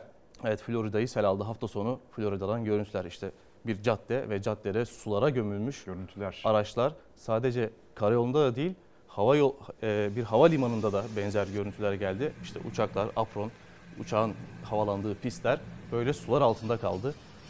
Tabii ilginç görüntüler de geldi bu sel felaketinden. Şimdi ekrana gelecek. Bir adam Florida'da bu seli yani sokakları basan suyu fırsata mı çevirdiğini yani ne demek doğru onu bilemiyorum ama bu sokaklarda yüzüyor. Şimdi görüntüsü hemen bunun arkasında olması lazım diye hatırlıyorum. Bunun arkasında gelecek o görüntü. Bu havalimanından hala görüntüler Florida'daki. Yani havalimanında öyle, sokaklarda öyle, Florida ve aslında şehrin tamamı senin dediğin görüntü Evet, bu galiba. Bir adam işte böyle bu artık göle dönmüş sokakta yüzerek böyle kaldırıma doğru çıkıyor. Yine başka iki kişi.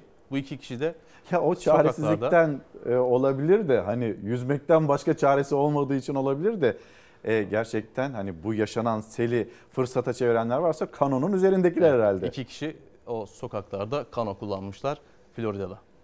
Şimdi New York'a gideceğiz. Evet New York'a gideceğiz. Yalnız hemen söyleyeyim sabah sabah insanların e, midesi bulanmasın diye görüntülerde fare yok. Amerika'nın fareyle mücadelesi ederek ancak biz temiz sokaklar vereceğiz. Tamam. Ama sokakların durumu öyle değil aslında. Şimdi biz de sokak kedisi görüyoruz çok etrafta. O sokak kedilerinin aslında bir faydası var. Belki çok olduğu için önemsemiyoruz. Belki de insanlar onlara kötü de davranıyor hatta. Ancak New York'ta bir özel birim kuruldu. Hatta fare çarı diyorlar adına. 155 bin dolar maaşla da New York'un fareleriyle mücadele için bir birim kuruldu ve özel Neymiş bir bütçesi?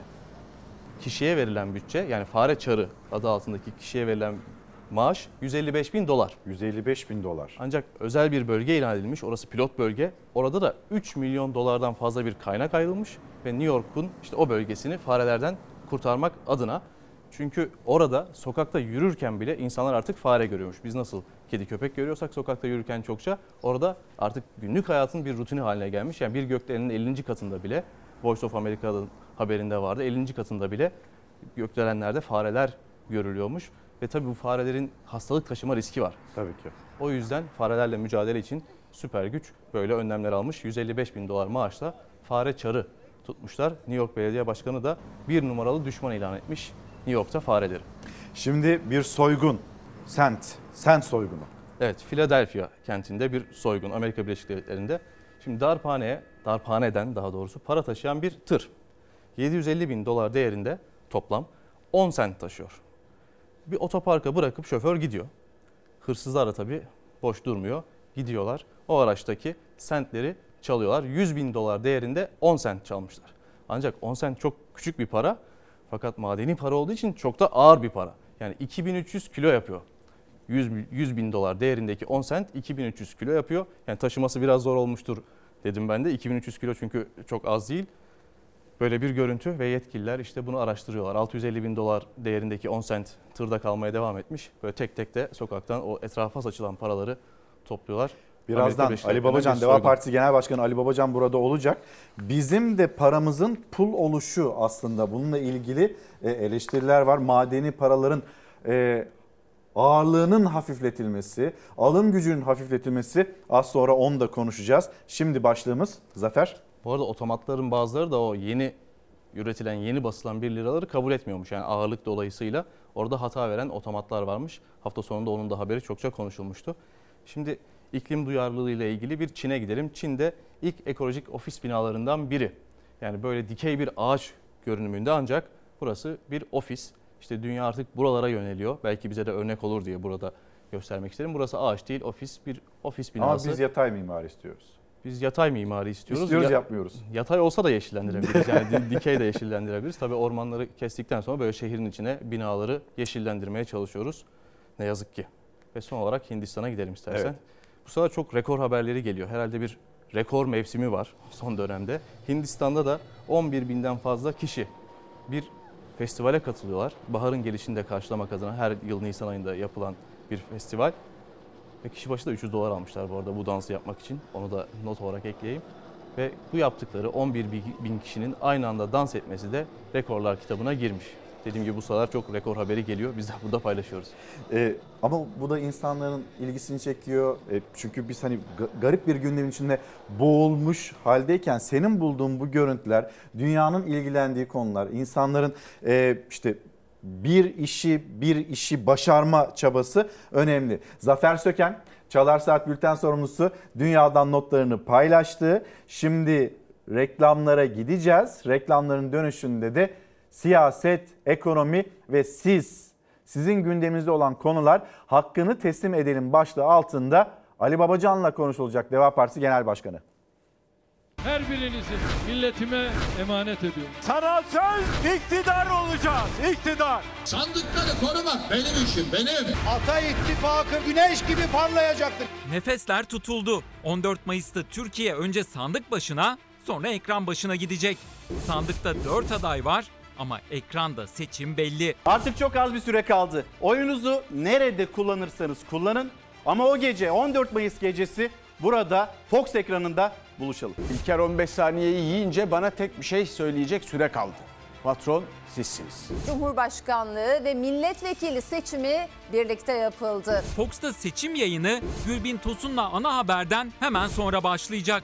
Selçuk Tepeli ve İlker Karagöz sandık sandık tüm sonuçları anında Türkiye'ye ulaştıracak. Bekir Ağırdır o sonuçları sıcağı sıcağına yorumlayacak. Seçimin gidişatını birlikte değerlendireceğiz. Fox Haber'in deneyimli muhabirleri de alanda. Adayların havasını, parti genel merkezlerindeki son durumu canlı yayınlarla anlatacak. Ankara'nın nabzını en iyi tutan, en sağlıklı analizleri yapan gazeteciler. Murat Yetkin, Çiğdem Toker, Nevşin Mengü, Deniz Zeyrek, Türkiye'nin bu uzun gecesinde Fox ekranlarındalar. Fox Haber Genel Yayın Yönetmeni Doğan Şentürk ve Fox Haber Ankara temsilcisi Tülay Ünal Öç'ten son dakika bilgileri yine onlarda olacak. Biz daha iyisini yapana kadar en iyisi burada. En doğru, en güvenilir ve en hızlı sonuçlar yine burada. Seçim gecesi klasiğiniz Fox Haber'de. Bir ekrandan daha fazlasında. Türkiye'nin seçimi 14 Mayıs'ta Fox'ta. Efendim günaydın bir kez daha. Çalar Saat'te devam ediyoruz. Deva Partisi Genel Başkanı Sayın Ali Babacan Çalar Saat'te konuğumuz. Millet İttifakı'nın adayı Kemal Kılıçdaroğlu kazanırsa seçimi Cumhurbaşkanı yardımcısı olacak isimlerden birisi. Sayın Babacan günaydın. Hoş Günaydın. geldiniz. Şimdiden iyi bayramlar e, diyeyim ve aynı zamanda bugün de Kandir, e, Kandil, Kadir Gecesi. E, yayınımıza böyle bir günde başlıyoruz. Ne söylemek istersiniz? Nasılsınız? Kendinizi nasıl hissediyorsunuz? Yoğun musunuz? Yorgun musunuz? Tempoyu daha da mı arttırdınız? Arttıracaksınız? Ne söylersiniz? Ben öncelikle şimdiden e, tüm vatandaşlarımızın Ramazan bayramını kutluyorum.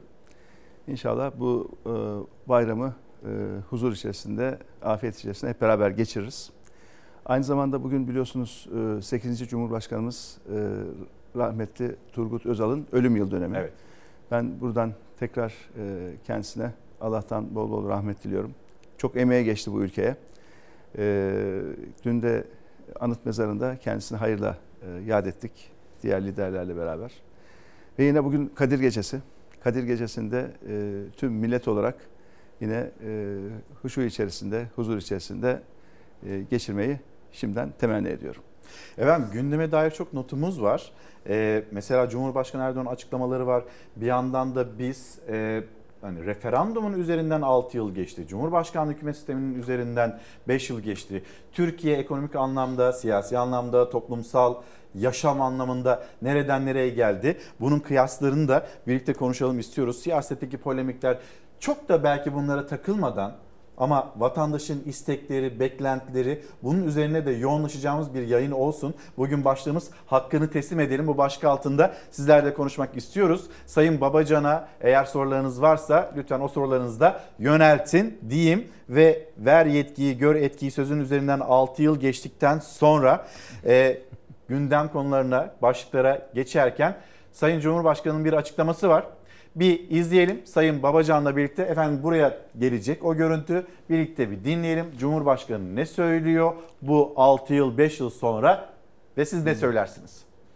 Hayat pahalılığı başta olmak üzere ekonomik sıkıntıları yine biz çözeceğiz.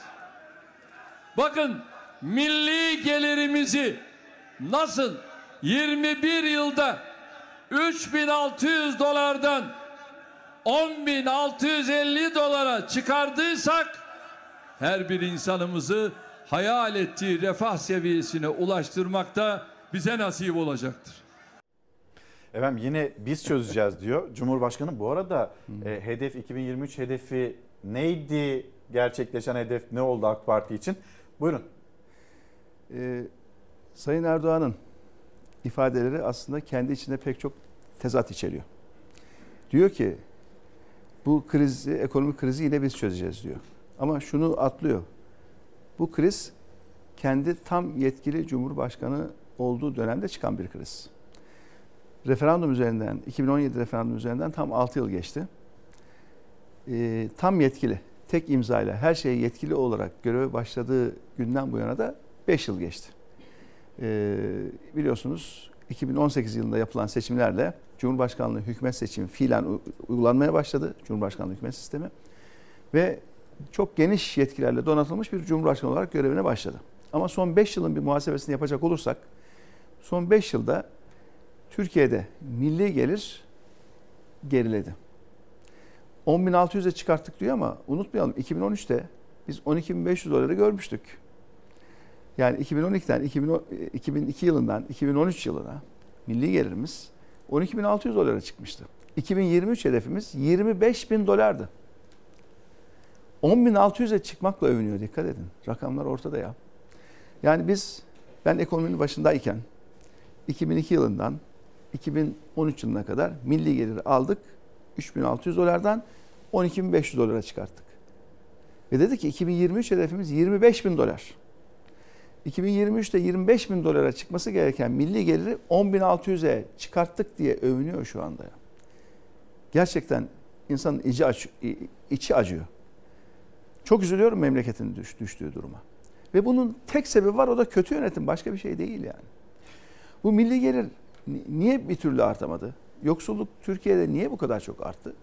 Çünkü tek bir kişi kendi küçük dağarcığıyla ülkeyi yönetmeye çalışıyordu. Onun için böyle oldu. O yüzden yani ben ekonomistim Mayıs'ta... demekle, benim alanım ekonomi demekle olmuyor. Bu sorunları çözmek için güçlü kadrolar lazım. İyi ekipler lazım. işi bilen ve dürüst yöneticilerle çalışmak lazım. 86 milyonluk ülke bir kişinin iki dudağı arasından yönetilmeye çalıştığında o bir kişinin dağarcığıyla sınırlı hale geliyor. Ülke küçülüyor. Bunu yaşadık. Yaşıyoruz. Gerçekten Cumhuriyet tarihinin en yüksek enflasyonu son 5 yıl içerisinde gördük. Sayın Erdoğan'ın tek yetkili Cumhurbaşkanı olduğu dönemde gördük. Enflasyon ne demek? Enflasyon bütün milletin cebinden çalmak demek. Sabit maaşla geçinen bütün emeklilerimizin, işçilerimizin, memurlarımızın hatta dul ve emeklilerimiz var biliyorsunuz. Dul ve yetimler var. Onların maaşları var. Engelli vatandaşlarımız var. yapılmadı Onlar. efendim. Oralarda yapılmadı. Ama bu düzeltme yapılmadı. Neyin düzeltmesi? Niye, niye düzeltme gerekiyor diye düşünelim. Çünkü hayat çok hızlı pahalanıyor. Enflasyon yoluyla önce bütün vatandaşlarımızın cebinden, bütçesinden, kesesinden kepçeyle alıyorlar. Kepçeyle alıyorlar enflasyon yoluyla. Ondan sonra kaşıkla bak ben zam yaptım diye güzellik yapıyorum size diye çıkıp övünüyorlar. Verdikleri zam gerçek enflasyonu karşılamaya bile yetmiyor. Türkiye'de sabit gelirli kim varsa herkesin geliri düşmüş durumda. Herkesin satın alma gücü düşmüş durumda. Ya bir karton yumurta 80 lira 90 lira olur mu? Ya bir kilo kıyma 300 lira olur mu Allah aşkına? Bu nedir yani? Ve bunun tek sebebi var kötü yönetim. Başka bir şey değil. Kendisi çıkıp biz enflasyonu tek haneye düşürdük diye övünmüyor muydu? O 2003-2004 yıllarında. E bizim ekonominin başında olduğumuz yıllardaydı bu. Ama şu anda kendisi tek yetkili ve Cumhuriyet tarihinin rekor enflasyonunu, en yüksek enflasyonu yaşattı bu ülkeye. Ve bu kafayla, bu yönetim tarzıyla düzeltmesi de asla mümkün olmayacak. Yapamayacak. Bakın ben bu stüdyoda belki dördüncü, beşinci evet. gelişim her defasında diyorum bakın düzelmeyecek diyorum. Yapamayacak diyorum. Olmayacak diyorum. Ve her defasında da iyiye gitmiyor. Gitmiyor çünkü artık yorgun bir iktidar var. Yorulmuş bir iktidar var. Düzgün kadroların da, hepsi dağılmış durumda. Dürüst ve ehil insanlar artık etrafında yok. Azalmış. Mumla arayasın ki bulasın. Böyle bir şey yok. İstişare olmayınca, düzgün kadrolar olmayınca, adalet olmayınca ülkenin sorunlarını çözemezsiniz. Bu üç önemli ilkeden de Sayın Erdoğan çoktan sapmış durumda. Bunun için yapamıyor. Ülkede adaletten bahsetmek mümkün mü şu anda? Ülkede istişare kültüründen bahsetmek mümkün mü? Ehliyetten, liyakattan bahsetmek mümkün mü? Dolayısıyla artık bu iktidarın bu ülkeye katkısı yok. Gerçekten bu ülke üzerinde çok ciddi bir yük ve milletimiz de inşallah 14 Mayıs seçimlerinde bu milletin üzerindeki bu ağır yükü, bu iktidarı şöyle bir kenara koyacak, şöyle bir yükü atacak üzerinden rahatlayacak ve daha güzel yarınlara doğru hep beraber yürüyeceğiz inşallah. Biz de bütün bunların hepsinin hazırlığını yaptık. Her şeyle hazırız yani. Evet. Planlarıyla, programlarıyla, kadrolarıyla her şeyle hazırız. Kim gelse 15 Mayıs'tan itibaren kim gelse, yönetimi kim devralsa düzeltemez ekonomi o kadar kötü yorumları yapılıyor. Öyle mi değil mi düzelir mi ya da bir vadesi var mı şu kadar sürede bu kadarını başarırız ve daha iyisini yaparız diyor mu Millet İttifakı? Bunu belki bir kez daha konuşacağız. Ee, bir siyasetteki ekonomiyle ilgili siyasilerin vermiş olduğu mesajlar var. Birlikte izleyelim. Ondan sonra da Sayın Babacan anlatsın 15 Mayıs'tan itibaren nasıl düzelir? Bu benim çalışma tahtam. Tüm ülke için kalkınma planlarımız hazır. Türkiye ilk 4 yıl en az %5,5, sonraki 6 yılda ise en az %6,2 istikrarlı gerçek büyümeyi sağlayacak. Bay Bay Kemal ne diyor? İngiltere'den 300 milyar dolar getiriyormuş. Nerede bu para? Nasıl getiriyorsun? Ya sana kim güvenir de böyle bir parayı verir? Kılıçdaroğlu Bay Kemal'in tahtası dediği dijital tahtanın karşısına geçti. 14 Mayıs sonrası için büyümeden işsizliğe ekonomi vaatlerini sosyal medyadan paylaştığı videoda ilk kez kullandığı o tahtaya yazarak anlattı. Kılıçdaroğlu ve ittifak ortağı Akşener Erdoğan'la icraatler ve vaatler üzerinden karşı karşıya geldiler. Erdoğan Kılıçdaroğlu'nun verdiği 300 milyar dolar yatırım sözünü de hedef aldı. Nasıl getiriyorsun diye sordu. Açık açık da söylüyor. Demek ki bunlar tefeciliğe soyundu. Başka bunun izahı yok. Daha dur bakalım seçim mi kazandın? Ne oldu da böyle bir parayı getiriyorsun? Benim milletim bu tefecilere, bu Bay Bay Kemal'e ve yandaşlarına 14 Mayıs'ta gereken dersi verecek mi? Gençlerimiz geleceğini yurt dışında aramayacak. Bu kalkınma hareketiyle 2,5 milyon yeni istihdam yaratacağız. İşsizlik oranı ilk 5 yılda %5'in altına düşecek. Genç işsizlik sorunu çözülecek. Gençler inanın bunlar böyle Osman Gazi Köprüsü falan bırak. Bunlar bir tahta köprü bile yapamazdı. Her fırsatta 21. yüzyılda marifetmiş gibi hala yol yaptık, köprü yaptık diye böbürlenir. Ama bugün gençlerimizin o yoldan, o köprüden geçmek için geçtim araba almayı, mazot almaya bile parası yok.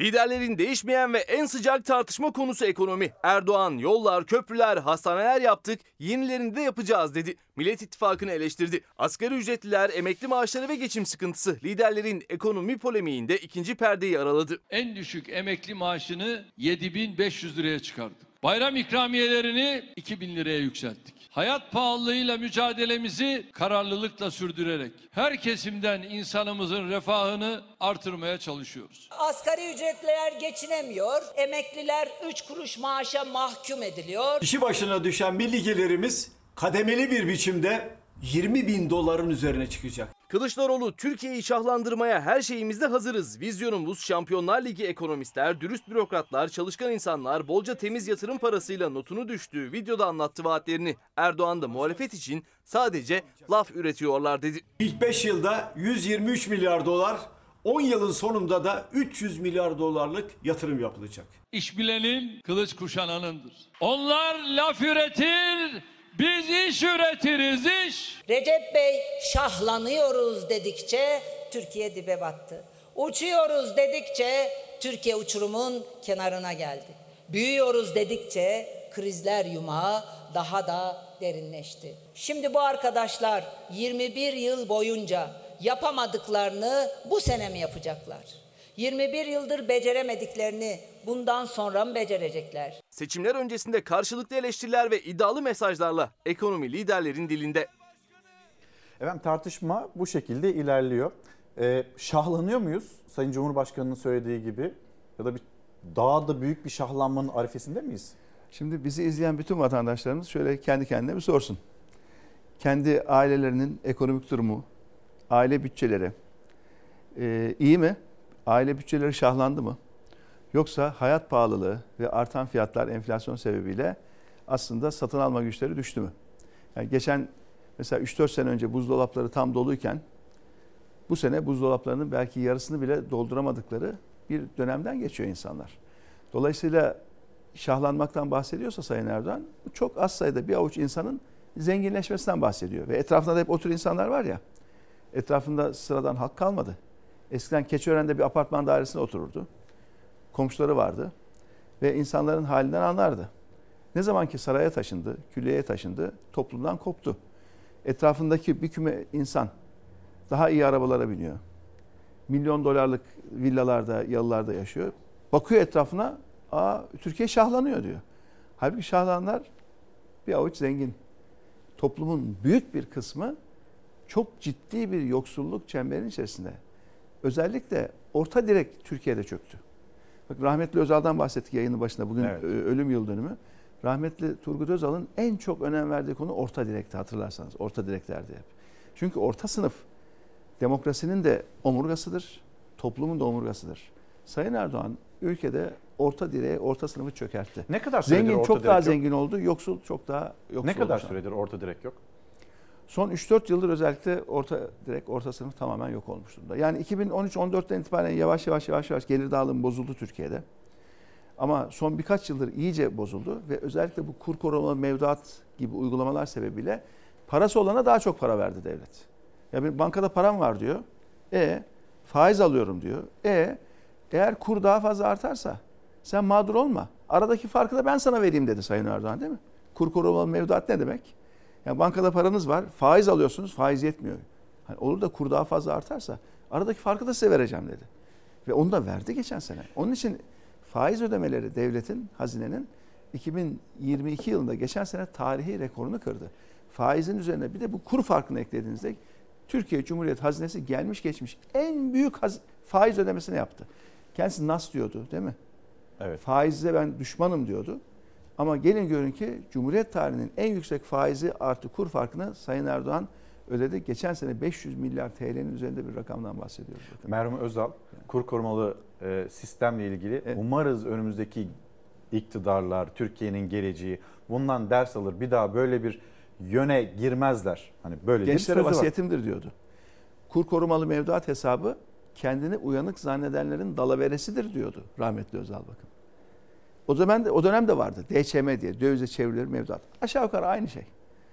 Enflasyonun sebebi oldu bu dedi. Benden önce yapmışlar ben bunu durduruyorum dedi. Basın toplantısı açıkladı. Artık yok dedi. Yapmayacağız böyle bir şey dedi. Gençlere vasiyetimdir dedi. Asla bu ülkeyi böyle batağa sürüklemeyin dedi. Ama Sayın Erdoğan çıktı geçen sene büyük bir ekonomik mucize bulmuş gibi kur korumalı mevduat diye bir şey ortaya attı ve çok büyük zarar etti. Yani parası olana daha çok para verdi. Ve zaten sabit bir gelirle çalışmaya çalışan insanlarımız, zaten sabit bir gelirle geçinmeye çalışan insanlarımızın da maalesef hayat şartları çok daha kötüleşti.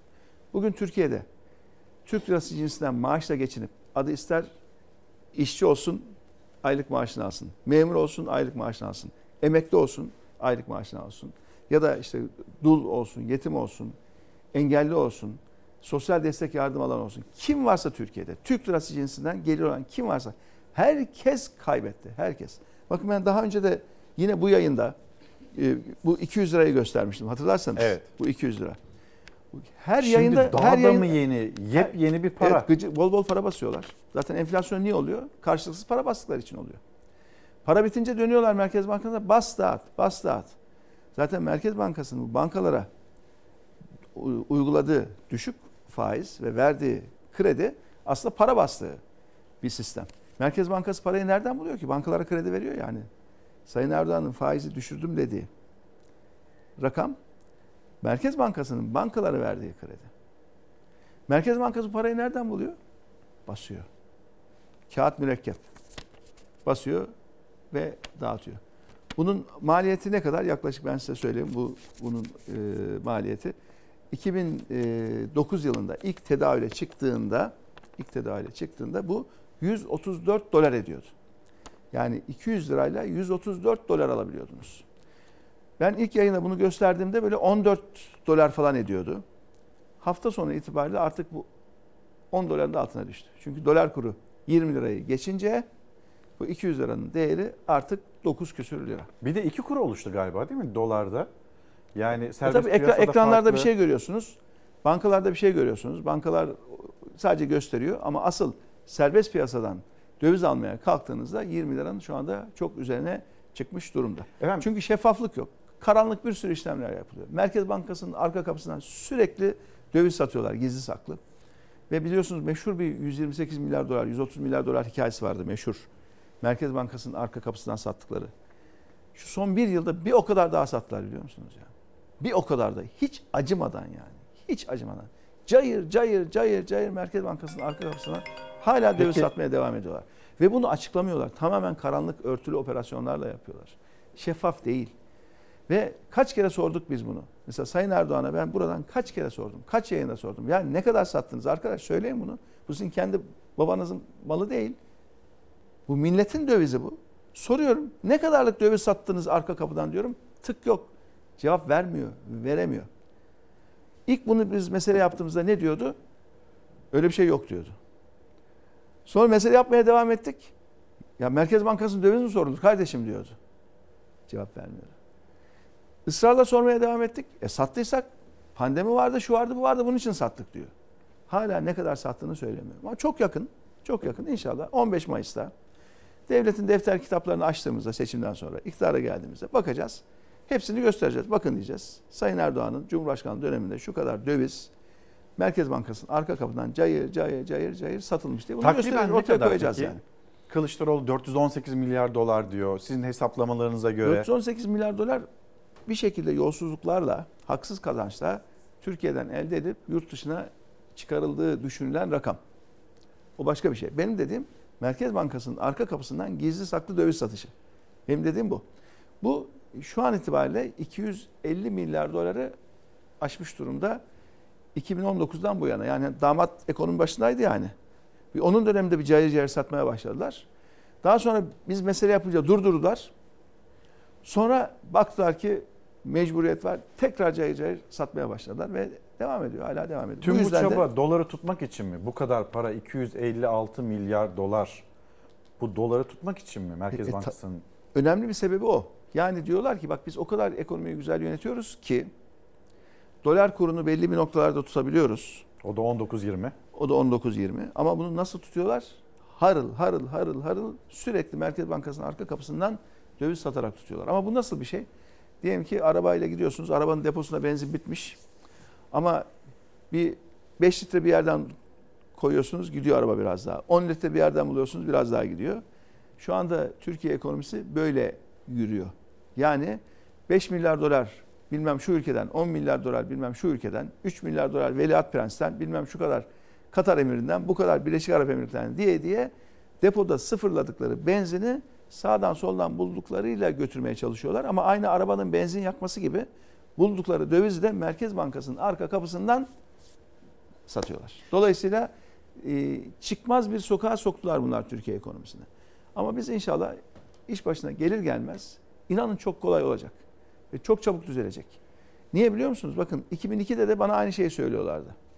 Diyorlardı ki ya ülkenin durumu çok kötü nasıl düzelteceksiniz? Kaynak diyorlardı. Kaynağı nereden bulacaksınız? Ben de diyorum ki kaynak Türkiye'dir diyordum. Biz güveni oluşturacağız. Güveni oluşturduktan sonra hiçbir sorun kalmaz diyordum. Dünyanın kaynağı bu ülkeye akar. Kendi iç kaynaklarımız ortaya çıkar diyordum. Ve hepsi oldu. Yoksa iki senede biz enflasyonu nasıl tek haneye düşürdük zamanında? Düşürsün de göreyim Sayın Erdoğan. Yapsın bakalım. Niye yapamıyor? Niye enflasyonu düşüremiyor? Yapsa yapar mıydı? Enflasyon %50'ye düştü diye övünüyorlar ya. %50'ye düşürdük diye övünüyorlar. Biz tek haneye indirdik. 10 senede tek hanede tuttuk. Kendi tek başına ekonomiyi yönettiği dönemde patlattı gitti enflasyonu. Yazık günah. Enflasyonun patlaması herkesin cebinden çalmaktır. İşte herkesin cebinde taşıdığı 200 liranın 134 dolardan 9 dolara düşmesi enflasyon yoluyla bu insanın cebin bütün bu insanların cebinden çalmaktır. Bunu Parayı bulamazlar diyor Sayın kendisidir yani. Cumhurbaşkanı. Parayı bulamazlar diyor. Tahta köprü köprü bile yapamazlar diyor. Bu arada siz 200 lirayı e, gösterdiniz. Aslında böyle sembol haline geldi. Siz Evet. sürekli o 200 lira nereden nereye geldi diye bir kıyaslama da yapıyorsunuz. E, bir getirelim Cumhuriyet Gazetesi'nin manşetinde yine 200 lirayla ilgili haber var. Siz bir kısmına değindiniz. E, aynı zamanda bir kıyaslama da yapalım. Buyurun bir şey mi ekleyecektiniz? Evet bu bu bu tam da bizim 200 liraya Sembo- sembolik hale gelmiş 200 lira bugün manşet olmuş evet. 200 liraya kağıt yetmedi. Erdoğan her elini cebine attığında deste deste çıkarıyor ama e, böyle bir tablonun içindeyiz deniliyor. Tuncay Molla Veysoğlu'nun manşet haberi Cumhuriyet Gazetesi'nde paradan sıfır atmakla övünen iktidar Türkiye'nin en büyük banknotu 200 lirayı bozuk para ayarına düşürdü. 2022 yılının Mart ayında dolaşımda dikkatinizi bir şey çekti. Buyurun. Kıymaya bakın kıymaya. 4,5 kilo kıyma alabiliyormuşsunuz. Şu anda 716 gram kıyma alabiliyorsunuz. Yani bunun temel gıda ürünleri için bir koyun aşağıya durum felaket. Yani bu tablo böyle yüzlerce satır yapılabilir ve bütün milletin topyekün fakirleştiğinin resmidir şu resim. Ve bu fakirleşme enflasyon yoluyla fakirleşmedir. Enflasyon yoluyla insanların cebindekini çalmaktır. Ve en büyük hırsızlıktır enflasyon. Çünkü öyle bir şey yapıyorsunuz ki Merkez Bankası'na bu gıcır gıcır paraları bastırıyorsunuz. Karşılıksız para basıyorsunuz. Ve bu karşılıksız basılan paranın değeri düşüyor. İnsanlar önce bir fakirleşiyor. Daha sonra diyorsunuz ben emekliye şu kadar zam yaptım. Ben memura şu kadar zam yaptım. Temmuz'da asgari ücreti bir daha zam yapacağım. Ha ne güzel ya. Sanki enflasyonu gidiyor uzaylılar getiriyor bu ülkeye de Sayın Erdoğan da millete güzellik yapıp maaşları artırıyor. Dış Ya güçler yapmıyor mu? Enflasyonun sebebi Öyle sensin. de ya. denildi yani efendim. Dış güçler denildi. Ekonomik bir savaş içindeyiz denildi. Bunların hepsi hikaye. Ekonomik savaş kim kiminle savaşıyor Allah aşkına ya? Kimmiş düşman anlatsın bir. Düşman kim? Çıksın anlatsın. Şu anda en büyük düşman cehalet. Şu anda Türkiye'nin en büyük düşmanı ülkeyi yönetenlerin içinde bulundukları cehalet. Başka bir şey değil. Şu anda en büyük düşman ehliyetsiz, liyakatsız kadrolarla bu ülkenin yönetiliyor olması. Şu anda en büyük düşman istişare yapılmadan bu ülkenin yönetiliyor olması. Başka bir şey değil. Ama gerçekten çok üzülüyoruz. Bu ülke buna e, layık değil. Ee, Burada asıl olan enflasyonu düşürmektir. Enflasyonu düşürerek insanların e, zenginleşmesini sağlamaktır. Ve bu inşallah gerçekleşecek. Bir de ne diyor? Demin Sayın Erdoğan bu kaynağı bulamazlar diyor. Bu Şimdi- arada şimdi e, kusura bakmasın. Bay Kemal'in tahtası hani ona da nasıl yaklaşırsınız Hı. oradaki rakamlar e, böyle hayal üstü bir tabloyu mu gösteriyor yoksa başarılabilecek disiplinle başarılabilecek bir tablo mudur Türkiye'nin önüne sunduğu Kemal Kılıçdaroğlu'nun? Şimdi orada mesela diyor ki Sayın Kılıçdaroğlu 10 yılda 300 milyar dolar yatırım olacak diyor. Bu çok çok kötümser bir tahmin. Yani en emniyetli tarafta yapılmış bir tahmin. Bu 10 yılda 300 değil 10 yılda 500 milyar dolar da rahat gelir Türkiye'ye. Rahat yapılır. Bu ülke çok büyük bir ülke. Ve bu iş bizim işimiz. Bakın Sayın Erdoğan yaptığı büyük projelerle övünüyor ya. O büyük projelerin parasını kim buldu Allah aşkına? O dönemde hazinenin başında kim vardı ya? Hani yollarla, köprülerle, havaalanlarla övünüyor ya. O paraları kim buldu? Kim buldu o paraları? Kimin bulduğu paralarla yaptı o projeleri? Ali Babacan ve ekibinin bulduğu kaynaklarla yaptı o projeleri. Onunla hava atıyor, onunla övünüyor. Evet, bu büyük projeler ülkemiz için gurur kaynağıdır. Daha da güzel olmalı. Daha da modern olmalı Türkiye'de. Evet, hızlı tren değil, çok hızlı tren gelmeli Türkiye'ye. Türkiye en iyisine layık. Ama bunların hepsi için kaynak gerekiyor. Ülkede kaynağı bulacak olan da bizleriz. Zamanında nasıl en yokluk döneminde, ülkenin en fakir döneminde, 20 tane bankanın iflas ettiği dönemde dünyanın her yerinden ve Türkiye'nin kendi içinden kaynak bulduysak yine bu kaynağı biz buluruz. Çünkü kaynak Türkiye. Buna inan- inanacaksınız önce. Güven oluşturacaksınız. Güven olduktan sonra her şey çok kolay. Ama güven yoksa artık siz güveni kaybettiyseniz, enflasyonu öngörülmeyen bir mecraya soktuysanız, hayat pahalılığı yoluyla bu milletin cebinden çaldıysanız artık güveni kaybetmişsinizdir. Güven kaybolduktan sonra da ülkenin ekonomisini düzeltmek asla mümkün olmayacaktır. Ama onun için biz yapacağız. Bütün bu hazırlıkları onun için yaptık. Bunu niye yaptık biz bunu? Değil mi? 22 tane eylem planı var burada. Bakın ansiklopedi, fasikül fasikül. Her alanda ama her alanda yapılacakları takvime bağladık. Bütçesini hesap ettik ve açıkladık. Arkasından bunu altılı masaya koyduk. Altı parti ortak mutabakat metni açıkladı. Ortak politikalar mutabakat metni. 2300 tane madde var burada. Yani Sayın Kılıçdaroğlu'nun da söylediği pek çok konu AK Parti de ortak- beyannamesini açıkladı. Evet. Ne zaman açıkladı? Bizden iki buçuk ay sonra. Ve kopya. Kopya. Oradaki manşetlere bakın mülakatı kaldıracağız. Ya biz onu Deva Partisi olarak 3 sene önce söyledik. 6 parti olarak 30 Ocak'ta söyledik. 20 yıldan sonra aklına geliyor mülakatı kaldıracağım diyor. Başka ne diyor? İmar affı yapılır diyor. İmar affı yok diyor. Ya imar affını yapan sensin. Depreme dayanıksız binaları imar affına sokup o binaları legalize hale getirip on binlerce insanın hayatını kaybetmesine sebep olan yolu sen açtın. Şimdi de diyor ki imar affı olmayacak diye. E niye yaptın o zaman? Bir önceki seçim kampanyasının en önemli unsuru değil miydi imar affı? Meydan meydan Sayın Erdoğan dolaşmıyor muydu? Söylemiyor muydu? İşte bu ilde 150 bin tane diyor konutu diyor imar barışına soktum diyor. Bu ilde ne oldu? Yaptın da ne oldu? Ben soruyorum şimdi depremde. Bu depremde yıkılan binalardan kaç tanesi imar affından yararlanmıştı? Ve o binalarda kaç kişi öldü diye soruyorum. Siz depreme dayanıksız çürük binaları imar affına sokup legalize edip meşruiyet sağlayıp ondan sonra o binalarda insanlar hayatını kaybettikten sonra hiçbir sorumluluk duygusu taşımıyor musunuz ya? Böyle bir şey olur mu? Şimdi de çıkıyor imar affı bir daha yapmayacağım diyor. E niye yaptın? Mülakat, mülakat için kopya diyorsunuz. Evet. İmar affı, itirazı zaten e, ortak politikalar metninde yer alıyor. Başka ne var? Ya Sosyal da kaç destek tane böyle? sistemi. Sosyal destek sistemi açıkladılar. Ya birebir kopya ya. Ya bizim ta parti programımıza yazdığımız şu ortak politika metnine yazdığımız sosyal destek sisteminin aynısını birebir kopya çekmişler. Kendileri yapıyor gibi açıklıyorlar. Çünkü artık üretemiyorlar, yapamıyorlar. Ellerinde bir şey yok. Biz 6 parti olarak %100 mutabakatla ta 30 Ocak'ta açıklamışız. Bundan 2 ay sonra, 3 ay sonra Sayın Erdoğan çıkıyor. İşte diyor seçim beyannamem diyor. İçini aç bak kopya. Çünkü dersini çalışmayan öğrenci ne yapıyor? Dersini çalışandan kopya çekiyor. Başka yapacağı bir şey yok. Şimdi hiç mi AK Parti'nin kendisine ait bir e, proje duymadınız o açıklamalar içinde? Mesela süper hızlı tren bir izleyelim mi? Sayın Olur, olur, e, tabii ki. Bakanın bir açıklaması var. Hızlı trenle ilgili Türkiye'nin ona ihtiyacı var ama daha iyisini de yapabiliriz diyorsunuz. E, süper hızlı trenle ilgili e, Ulaştırma Bakanı Adil Kara İsmailoğlu yaptığı açıklama. Kızılay Ankara e, hızlı tren garımızdan Söğütlü Çeşme arasını 80 dakikaya düşüreceğiz.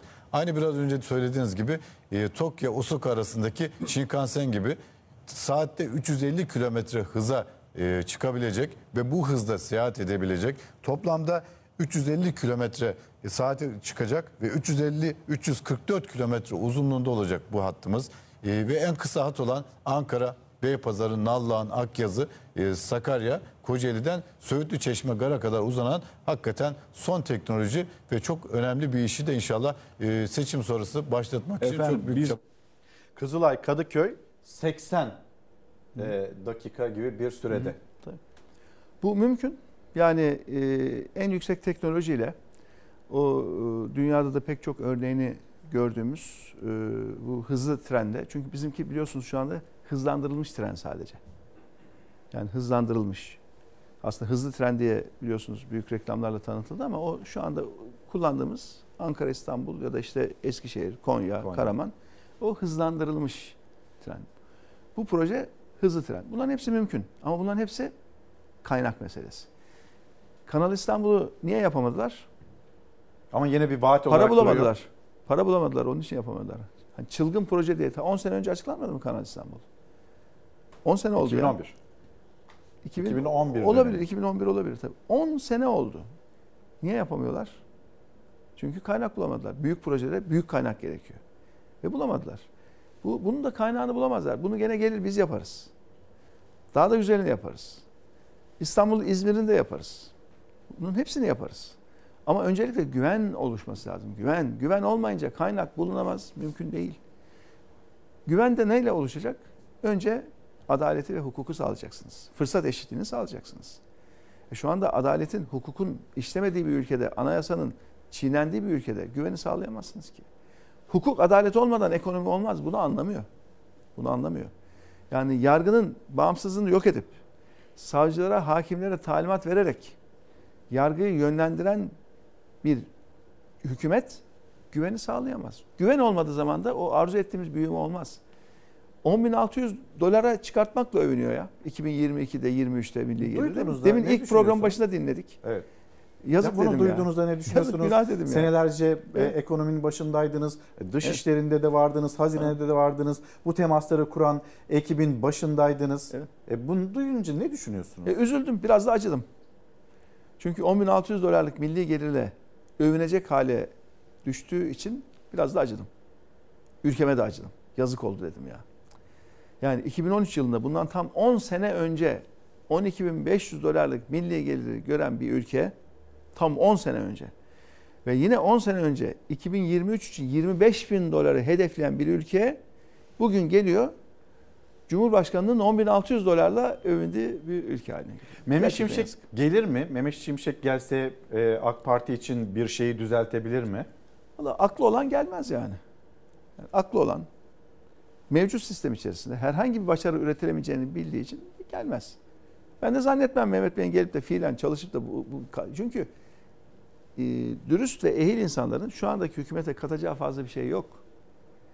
Çünkü dürüst ve ehil insanları zaten uzaklaştırdılar. E, Sayın Şimşek'in bakanlık dönemini bir hatırlayalım.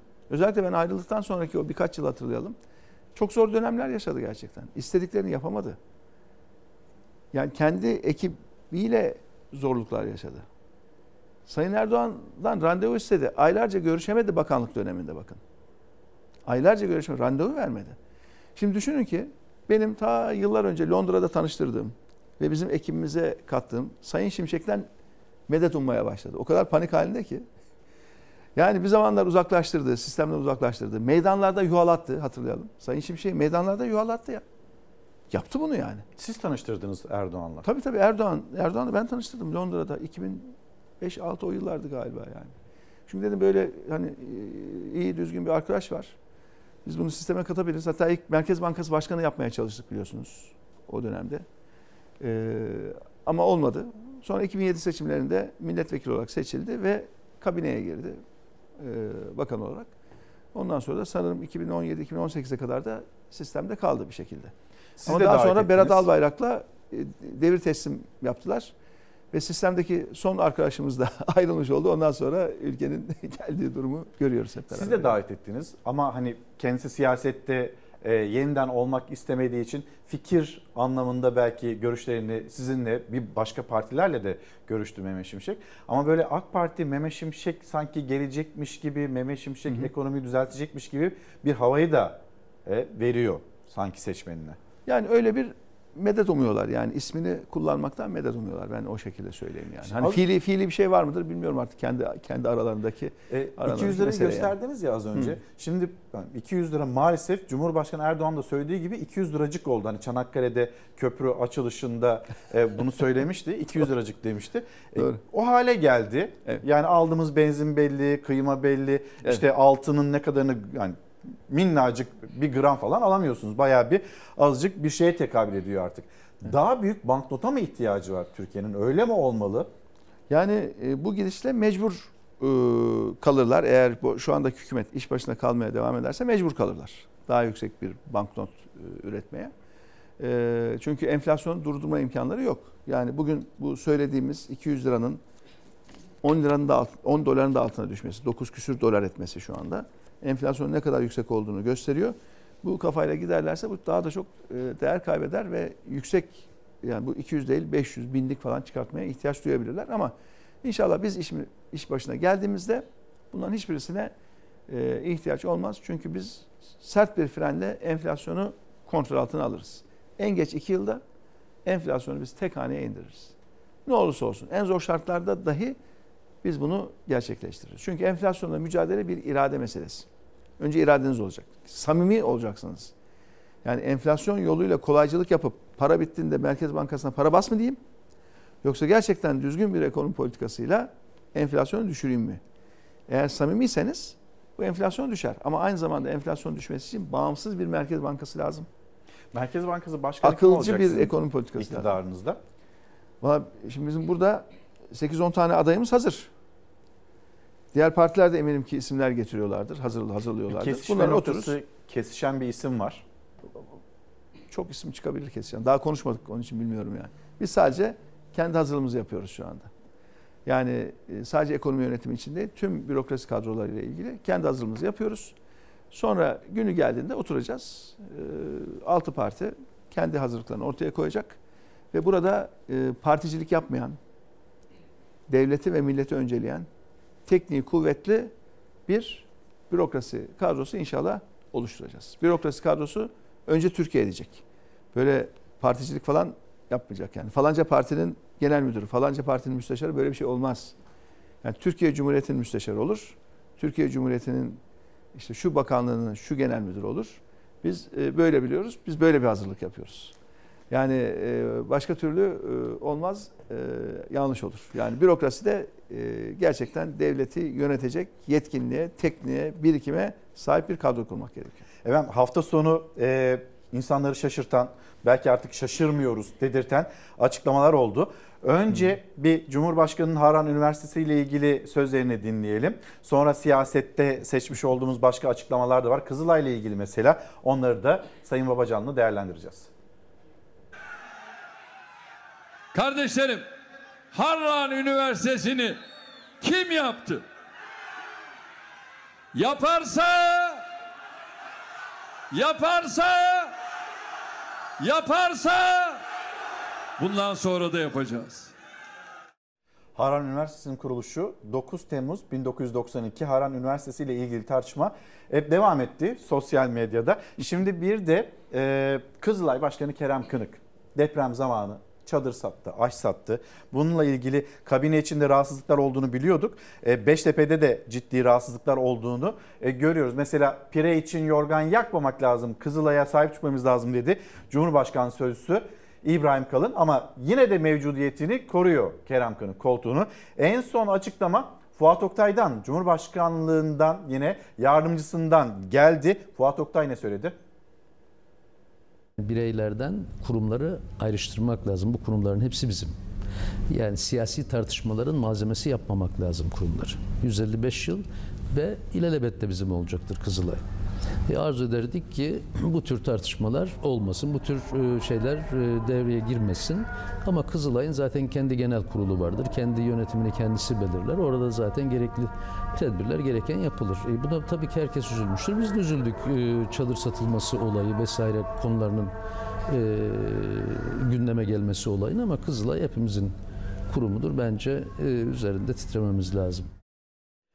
Biz de üzüldük açıklaması e, Fuat Oktay'dan geliyor. Pire için yorgan yakmamak gerekir. İbrahim Kalın'dan gelen açıklama bu şekilde ve Kızılay Başkanı hala koltuğunda. Şimdi e, meseleyi küçültüyorlar, basitleştiriyorlar.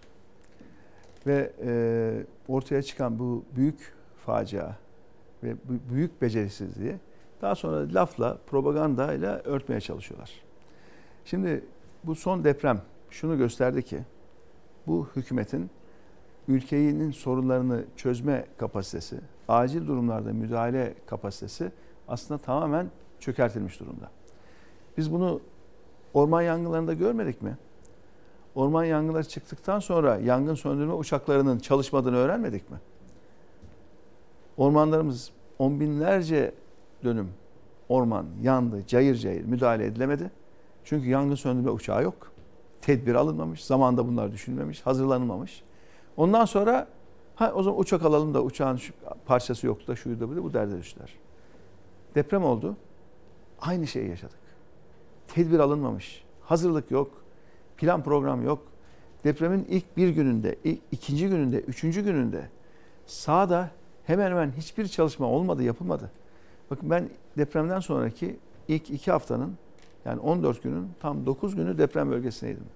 Bizzat gittim gördüm. 11 ilin 11'inde merkezine gittim. Pek çok köye gittim, ücra yerlere gittim. Bizzat gördüm. Muhtarlara sordum ne yaptınız diye. İlk iki gün, üç gün dediler hiçbir şey yoktu. Ve defalarca sorduk. Bakın buradan tekrar soruyorum. Depremin o ilk iki, üç günü silahlı kuvvetler personeli niye hemen sahaya çıkmadı? Niye Türkiye gibi inşaat sektörü güçlü bir ülkenin iş makineleri, vinçler niye hemen sahada enkaz kaldırma çalışmalarına başlamadı? Gönüller, dışarıdan gelen arama kurtarma ekipleri niçin organize edilemedi? Siz bunları ben buradan soruyorum, Cumhurbaşkanı soruyorum, deprem soruyorum. turisti dedi muhalefete, size. Biz karayoluyla benzin kuyruklarında bekleye bekleye kendi araçlarımızı, kendi jeneratörlerimizi taşıyarak deprem bölgesini gördük. Sayın Erdoğan gibi devletin uçağıyla, helikopterle inip birkaç gösterme, açıklama yapıp geri Ankara'ya dönmedik. Deprem bölgesinde kala kala kala kala gezdik oraları.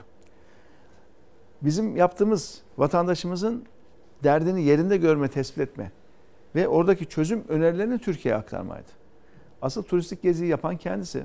Gitti de ne oldu? Ben hala soruyorum. İlk 24 saatte ne yaptınız?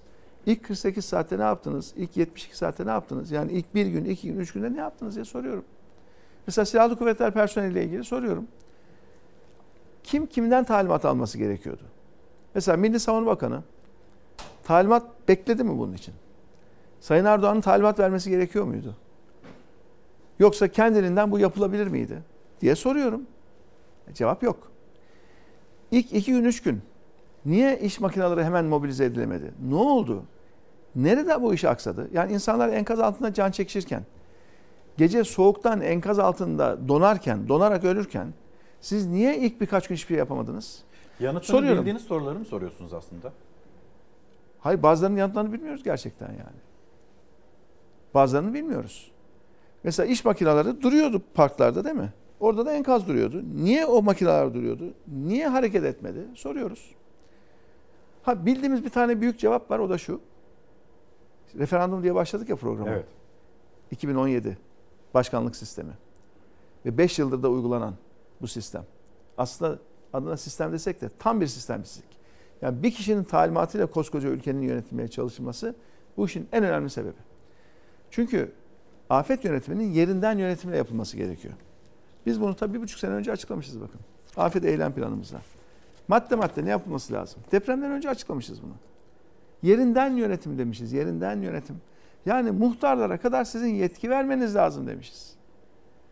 Muhtarlara kadar hem imkan hem yetki verilmesi lazım. Başka türlü Ankara'dan talimat bekleyerek afet yönetimi olmaz. Olmadı Akşener da yürümedi de 36 yani. bin imza atması gerekiyor Erdoğan'ın diye Evet. bir açıklaması Evet, da evet. oldu. Ta depremden önce biz bunu yayınladık bakın. Depremden bir buçuk sene önce benim Kahramanmaraş'ta yaptığım bir konuşma var. İl kongremizde. Diyorum ki Kahramanmaraş merkezli bir deprem geliyor diyorum. Evet. O konuşma meşhur Konuşuldu, oldu biliyorsunuz. konuşuldu. Ve o kongre yaptığımız Haber o oldu. otel çöktü. Bir tane canlı çıkmadı. Galip Dalay isimli arkadaşımız belki tanırsınız. Genç kardeşi 11 gün sonra cenazesine ulaşıldı. 11 günde. Ki 6-7 katlı bir otel bu yani topu topu. Bütün bunları yaşadı bu Türkiye ya. İşte neymiş? Orman yangını çıktı, söndüremediniz. Deprem oldu, anında müdahale edemediniz. Daha sonra çıktı, ne yaptı kendisi? Gitti Adıyaman'a.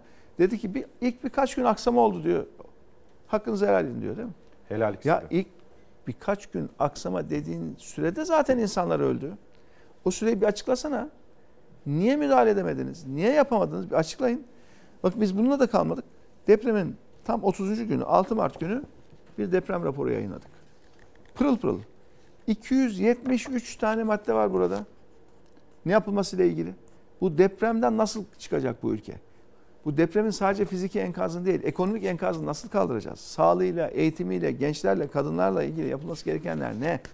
Bu depremden ilgili depremden sonra bir sürü yargı ve hukuk sorunları var. Bunlar nasıl çözülecek? Bakın adalet yargı diye bölümünü koymuşuz. Pırıl pırıl. Hükümetin böyle bir çalışması olmadı ya. Ya biz mi yapacağız Allah aşkına? Ülkeyi 20 yıldır yönettiklerini iddia ediyorlar. Şöyle bir şey ortaya koyamadılar bugüne kadar. Yok. Ortaya koydukları da bizden çekilmiş kopyalar Allah aşkına. Üretemiyorlar artık, yapamıyorlar. Yönetemiyorlar. Bunu görmek lazım. Biz bunun için Deva Partisi'ni kurduk. Bunun için 6 parti bir araya geldik. Niye 6 parti bir araya geldik? Çünkü bu 6 partiyi yan yana koyduğunuzda bu Millet İttifakı'na üye partileri aslında tüm Türkiye diyoruz burada. Burada bütün toplum kesimleri temsil ediliyor bakın bu 6 partinin çatısı altında. Bütün hayat tarzları temsil ediyor. Bütün Türkiye burada. Yani Türkiye Cumhuriyeti vatandaşı olup da ben burada temsil edilmiyorum diyen hiç kimse yok. Toplum kesimi ve hayat tarzı açısından baktığımızda. Çünkü diyoruz ki biz evet siyasi partiler önemlidir ama güç birliğiyle, iş birliğiyle bir araya gelip biz Türkiye'yi yönetmeye talibiz. Çünkü bir kişi beceremiyor. Bir kişinin dağarcığı almıyor artık Türkiye'yi.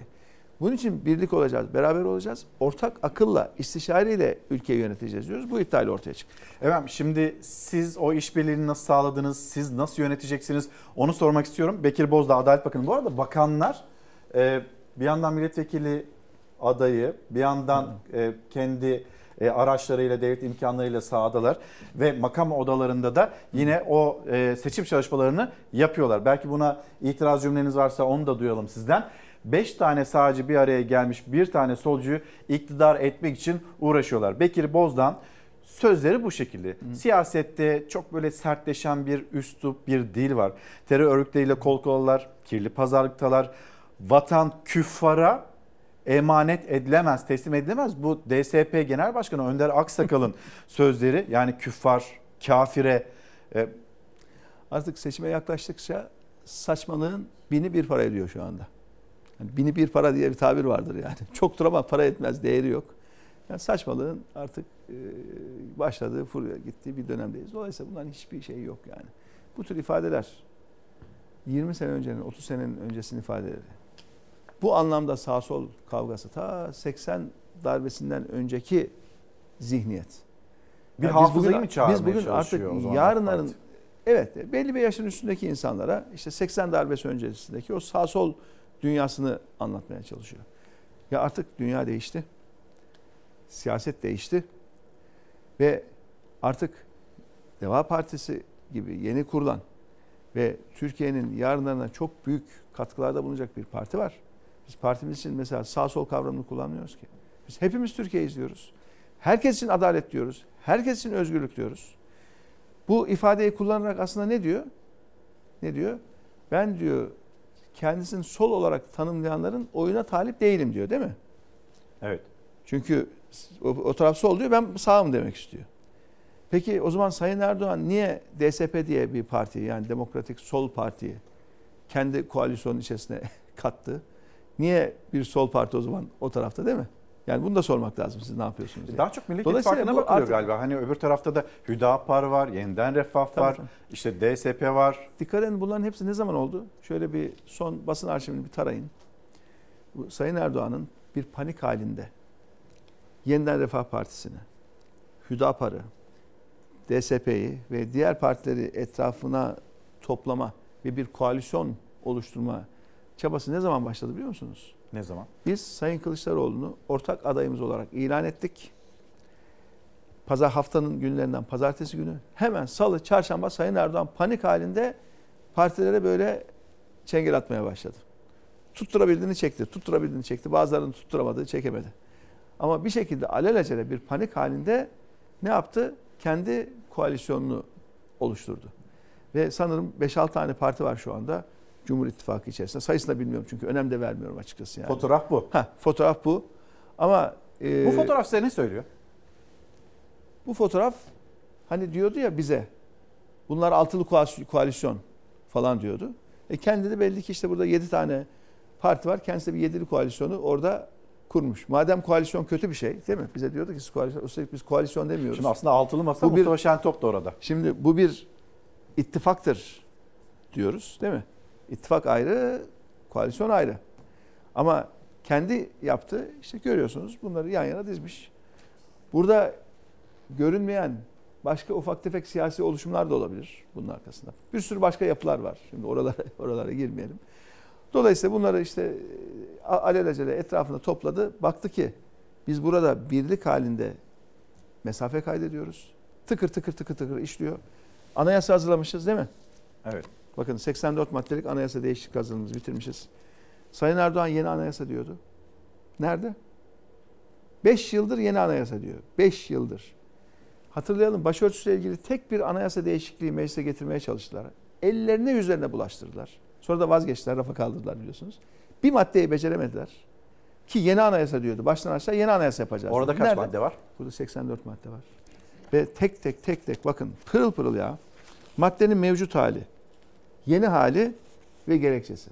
Yani seçimden sonra Türkiye Büyük Millet Meclisi açıldıktan hemen sonra meclisteki Anayasa Komisyonu'na sunulacak dört dörtlük bir çalışma var. Böyle bir çalışma. Ben diyorum bizim anayasa değişikliğimiz hazır.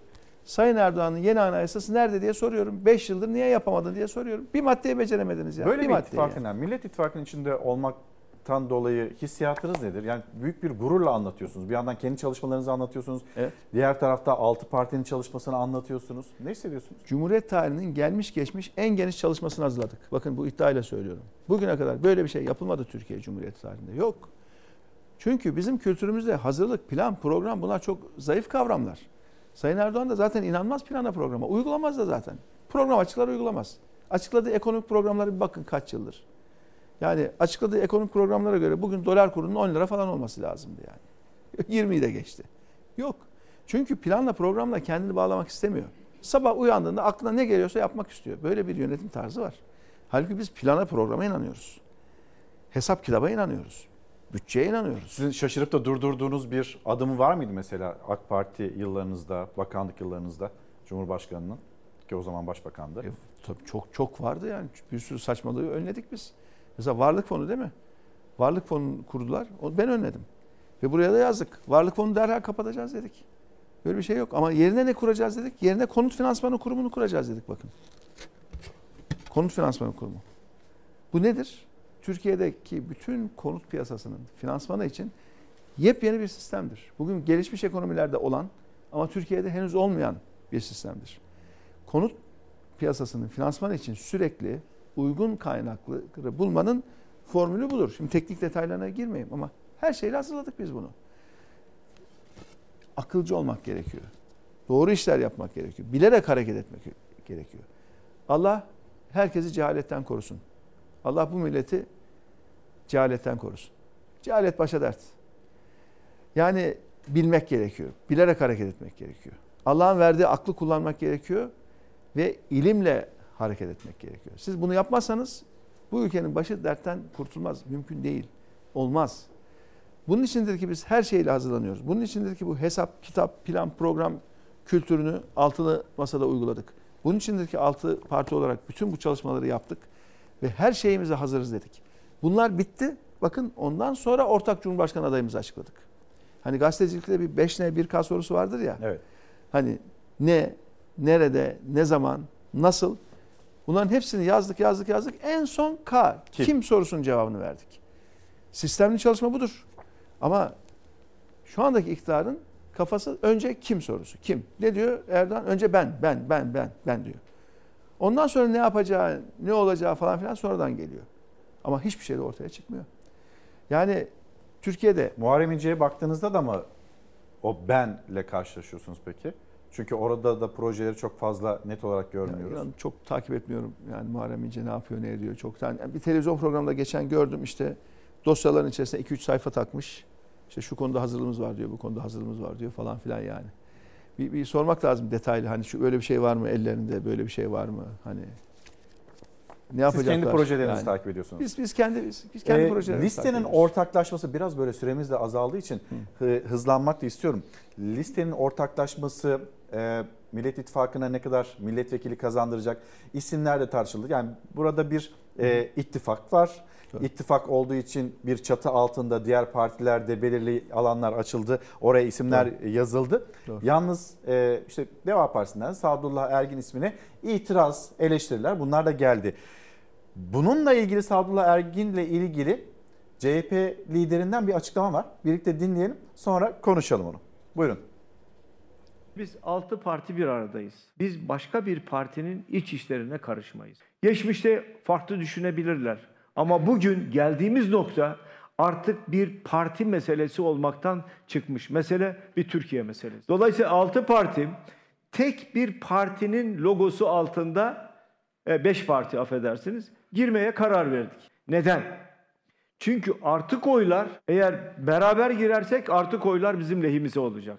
Girmezsek daha fazla milletvekili kaybına yol açıyor.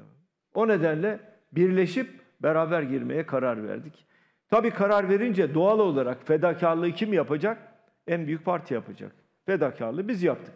Biz onlardan milletvekili istedik. Şunu getirin deme hakkımız yok.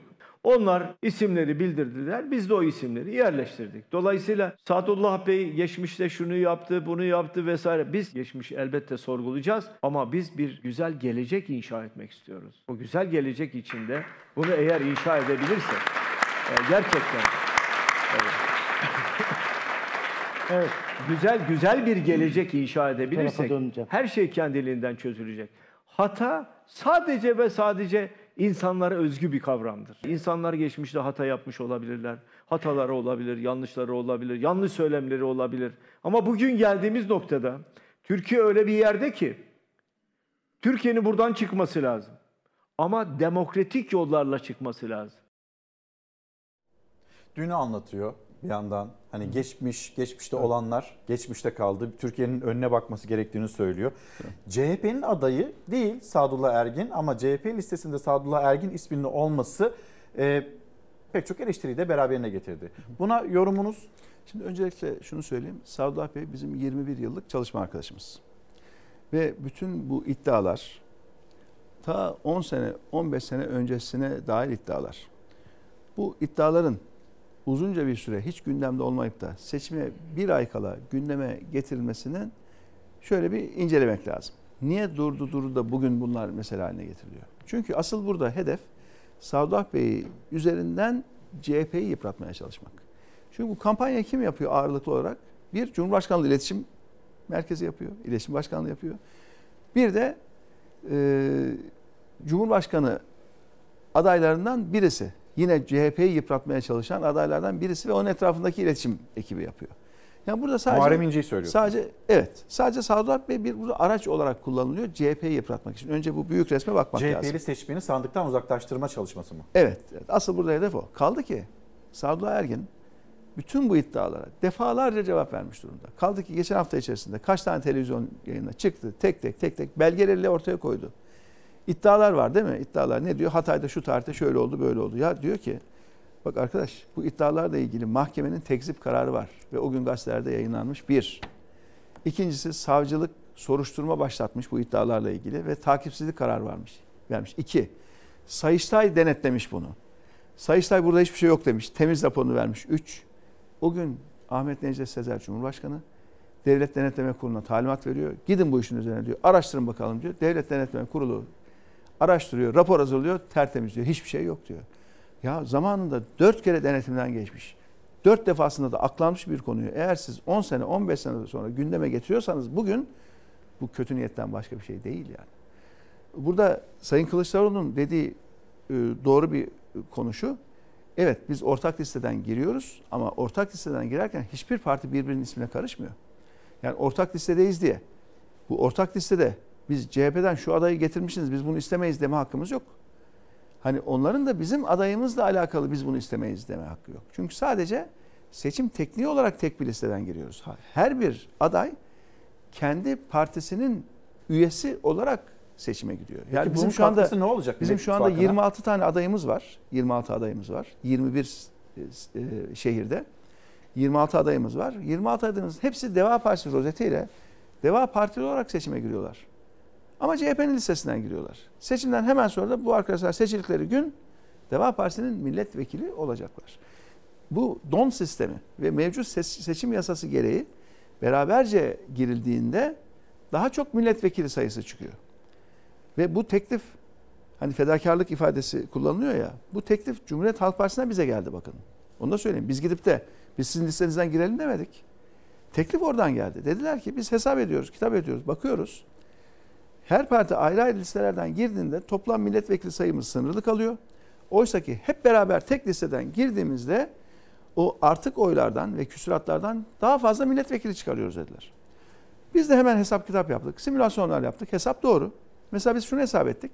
Sadece Deva Partisi'nin ortak listede girmesinin getirdiği artı 18 tane milletvekili var. Yani sadece biz Artı 18. Artı 18 biz katıyoruz havuza. Çünkü bizim 87 seçim bölgesinde desteğimiz olduğu için o 87 seçim bölgesindeki katkı işte bir ilde diyelim ki örnek veriyorum bir buçuk milletvekili çıkıyor. Biz o yarımı ekliyoruz ediyor iki. Bir bölgede mesela diyelim ki e, bir milletvekili çık- çıkıyor. Biz bir daha ekliyoruz ediyor iki. Öbür bölgede yedi milletvekili var. Biz bir ekliyoruz sekiz. Sadece bizim Deva Partisi olarak ortak listeye girmemizin getirdiği artı 18 milletvekili var. Yani biz havuzu büyütüyoruz. Bu büyüyen havuzdan da herkes daha fazla Hedef ne milletvekili arıyor yani. Parlamentoda. Parlamentoda hedef çoğunluk tabii ki. Çoğunluk yani şu anda simülasyonlarda ne gözüküyor? Ne söylüyor simülasyon? Şimdi ara- çok sayıda farklı farklı araştırmalar var. Ve bu araştırmaların her birinde farklı farklı tahminler Hepsi çıkıyor. 300 üstü mü? Yani 300'ün üstünde gösterenler de var, 300'ün altında gösterenler de var. Zaten bizim bu tek listeden girme kararımız o 300'ün altına kalma ihtimalini, riskini gördüğümüz için biz böyle bir karar aldık. Ve bu evet Cumhuriyet Halk Partisi'nin fedakarlıktır ama bizim için de büyük bir fedakarlık. Çünkü biz 3 yıl önce kurduğumuz partimizin logosunu, ismini bu seçimde seçim pusulasında kullanmayacağız. Bu bizim için de fedakarlık. CHP için de fedakarlık. Ama zaten Diğer parti için de fedakarlık. değil. Siz Ama de nedir? bunu defalarca Evet. anlattınız. Tabii. Yani ittifaklık gereği listelerin böyle oluşacağı da barizdi, belliydi. Ee, siz CHP'yi yıpratmak için böyle bir tartışma başladığını söylüyorsunuz. Sadullah Bey için böyle söylüyorum. Doğru, doğru. Bu tamamen CHP. Şimdi burada aslında ne oldu? Herkes kendi parti kimliğiyle alakalı fedakarlıkta bulundu. Ama toplam sayı olarak bir fedakarlık yok. Tam tersine sayılarda kazanıyoruz. Havuz büyüyor yani. Mesela bizim listelere kattığımız isimler aslında bizim havuzu büyüterek havuza sunduğumuz katkı. Yani bu birinden milletvekilini alıp bu tarafa taşımıyoruz. Onun milletvekilini alıp bu tarafa taşımıyoruz. Ne yapıyoruz? Toplam milletvekili sayısını çoğaltıyoruz ve böylece herkesin daha çok milletvekili oluyor. Cumhuriyet Halk Partisi de daha çok milletvekili kazanıyor. Yani Cumhuriyet Halk Partisi ortak listede kendi sınırlı sayıdaki milletvekillerini diğer partilere dağıtmıyor ki öyle bir şey yok. Toplamı büyütüyoruz. Büyüyen içerisinden herkes payını alıyor. Dolayısıyla bunu böyle düşünmek lazım. Siyasi kimlik olarak fedakarlık. Evet Cumhuriyet Halk Partisi için fedakarlık. Niye? Çünkü kendi partilileri listeden çıkıyor. Deva Partisi giriyor, Gelecek Partisi giriyor, Saadet Partisi giriyor. Fedakarlık o açıdan. Ama toplam sayıda hep beraber kazanıyoruz. Bizim için de fedakarlık. Çünkü 3 yıllık emeğimiz ama seçim pusulasına baktığımızda Deva Partisi'nin logosu olmayacak. Ne diyecek vatandaşlarımıza? Biz tek listeyle seçime girmeye karar verdik. Dolayısıyla siz Cumhuriyet Halk Partisi'nin logosunun altına evet mührü bastığınızda Deva Partili adayları da aslında evet demiş oluyorsunuz. Dolayısıyla bizim adaylarımız da seçilmiş oluyor. Biz de mecliste çok sayıda milletvekiliyle var oluyoruz. Yani yaptığımız bu. Bu da tamamen şu andaki mevcut seçim kanununun ve seçim sisteminin getirdiği bir zorunluluk. Şimdi e, son bir dakikamız kalmış. Yönetmenim de beni uyarıyor. İlk turda biter mi? 15 Mayıs 2023 günü nasıl olacak? Hedefimiz bu. İlk turda bitmesi ne demek? Aslında iki tane Cumhurbaşkanı adayı var bakın. Değil mi? Sayın Erdoğan ve Sayın Kılıçdaroğlu. İki İkinci tane aday var. kalırsa sebebi Muharrem İnce mi olur? Yani başka bir aday daha var. Evet. Yani çünkü dört aday var ama Ama daha çok ama öne çıkan aslında isim. iki aday var. Dolayısıyla bu seçimde, bu seçimin ilk turda bitmesi için vatandaşlarımızın şu tercihte bulması lazım. Benim verdiğim oy Sayın Erdoğan'a mı yarıyor, Sayın Kılıçdaroğlu'na mı yarıyor? Şimdi Sayın Erdoğan'a oy verecekler, gidecek evet diyecek. Sayın Kılıçdaroğlu'na oy verecekler de gidecek evet diyecek. Ama diğer iki adaya oy verenler, onların kazanamayacağını herkes bildiği için diğer iki adayın, onlara oy verenler aslında kime destek oluyor? Bu hesabı herkesin yapması lazım. Yani Sayın Kılıçdaroğlu ve Sayın Erdoğan dışındaki iki adaya evet diyen vatandaşlarımızın o ikisi kazanamayacağına göre, birinci ve ikinci turda da kazanamayacaklarına göre aslında kime faydaları var? Onun hesabını yapmak gerekiyor. Yani aslında diğer iki adaya evet diyenler var ya, diğer adaya evet diyenler aslında Sayın Erdoğan'a evet demiş oluyor. Bunu unutmasınlar. Yani çünkü verdikleri oy Sayın Erdoğan'a yarayacak. Vatandaşlarımız bu tercihlerinde eminim ki bu sağduyu gösterecekler. Bu e, aklı selimle hareket edecekler. Ve ona göre nihai tercihlerini yapacaklar. Biz de o tercihlerine saygı duyacağız. Ama bizim beklentimiz ve hedefimiz ilk turda bu işi bitirmek. Yani ilk turda Cumhurbaşkanlığında kazanmak, mecliste de çoğunluğu sağlamak. Bu hedefle yoğun bir şekilde çalışıyoruz şu an. Efendim çok teşekkür ederim. Geldiniz, Ben anlattınız. Siyasete, ekonomi, ağırlıkla ekonomiyi konuştuk. Deva Partisi Genel Başkanı Sayın Ali Babacan'la Çalar Saat'te buluştuk. Gündemin notlarını aldık. Yarın sabah yine önemli bir ismi ağırlayacağız. Kılıçdaroğlu seçilirse yine Cumhurbaşkanı yardımcısı olacak bir isim Çalar Saat'te olacak. Biz bugün için noktalıyoruz. Sayın Babacan'la birlikte yarın sabah saatler 7.45'i gösterdiğinde yeniden burada olacağız. Sizi de bekliyoruz. Hoşçakalın, güzel bir gün olsun ve yeniden hayırlı kandiller.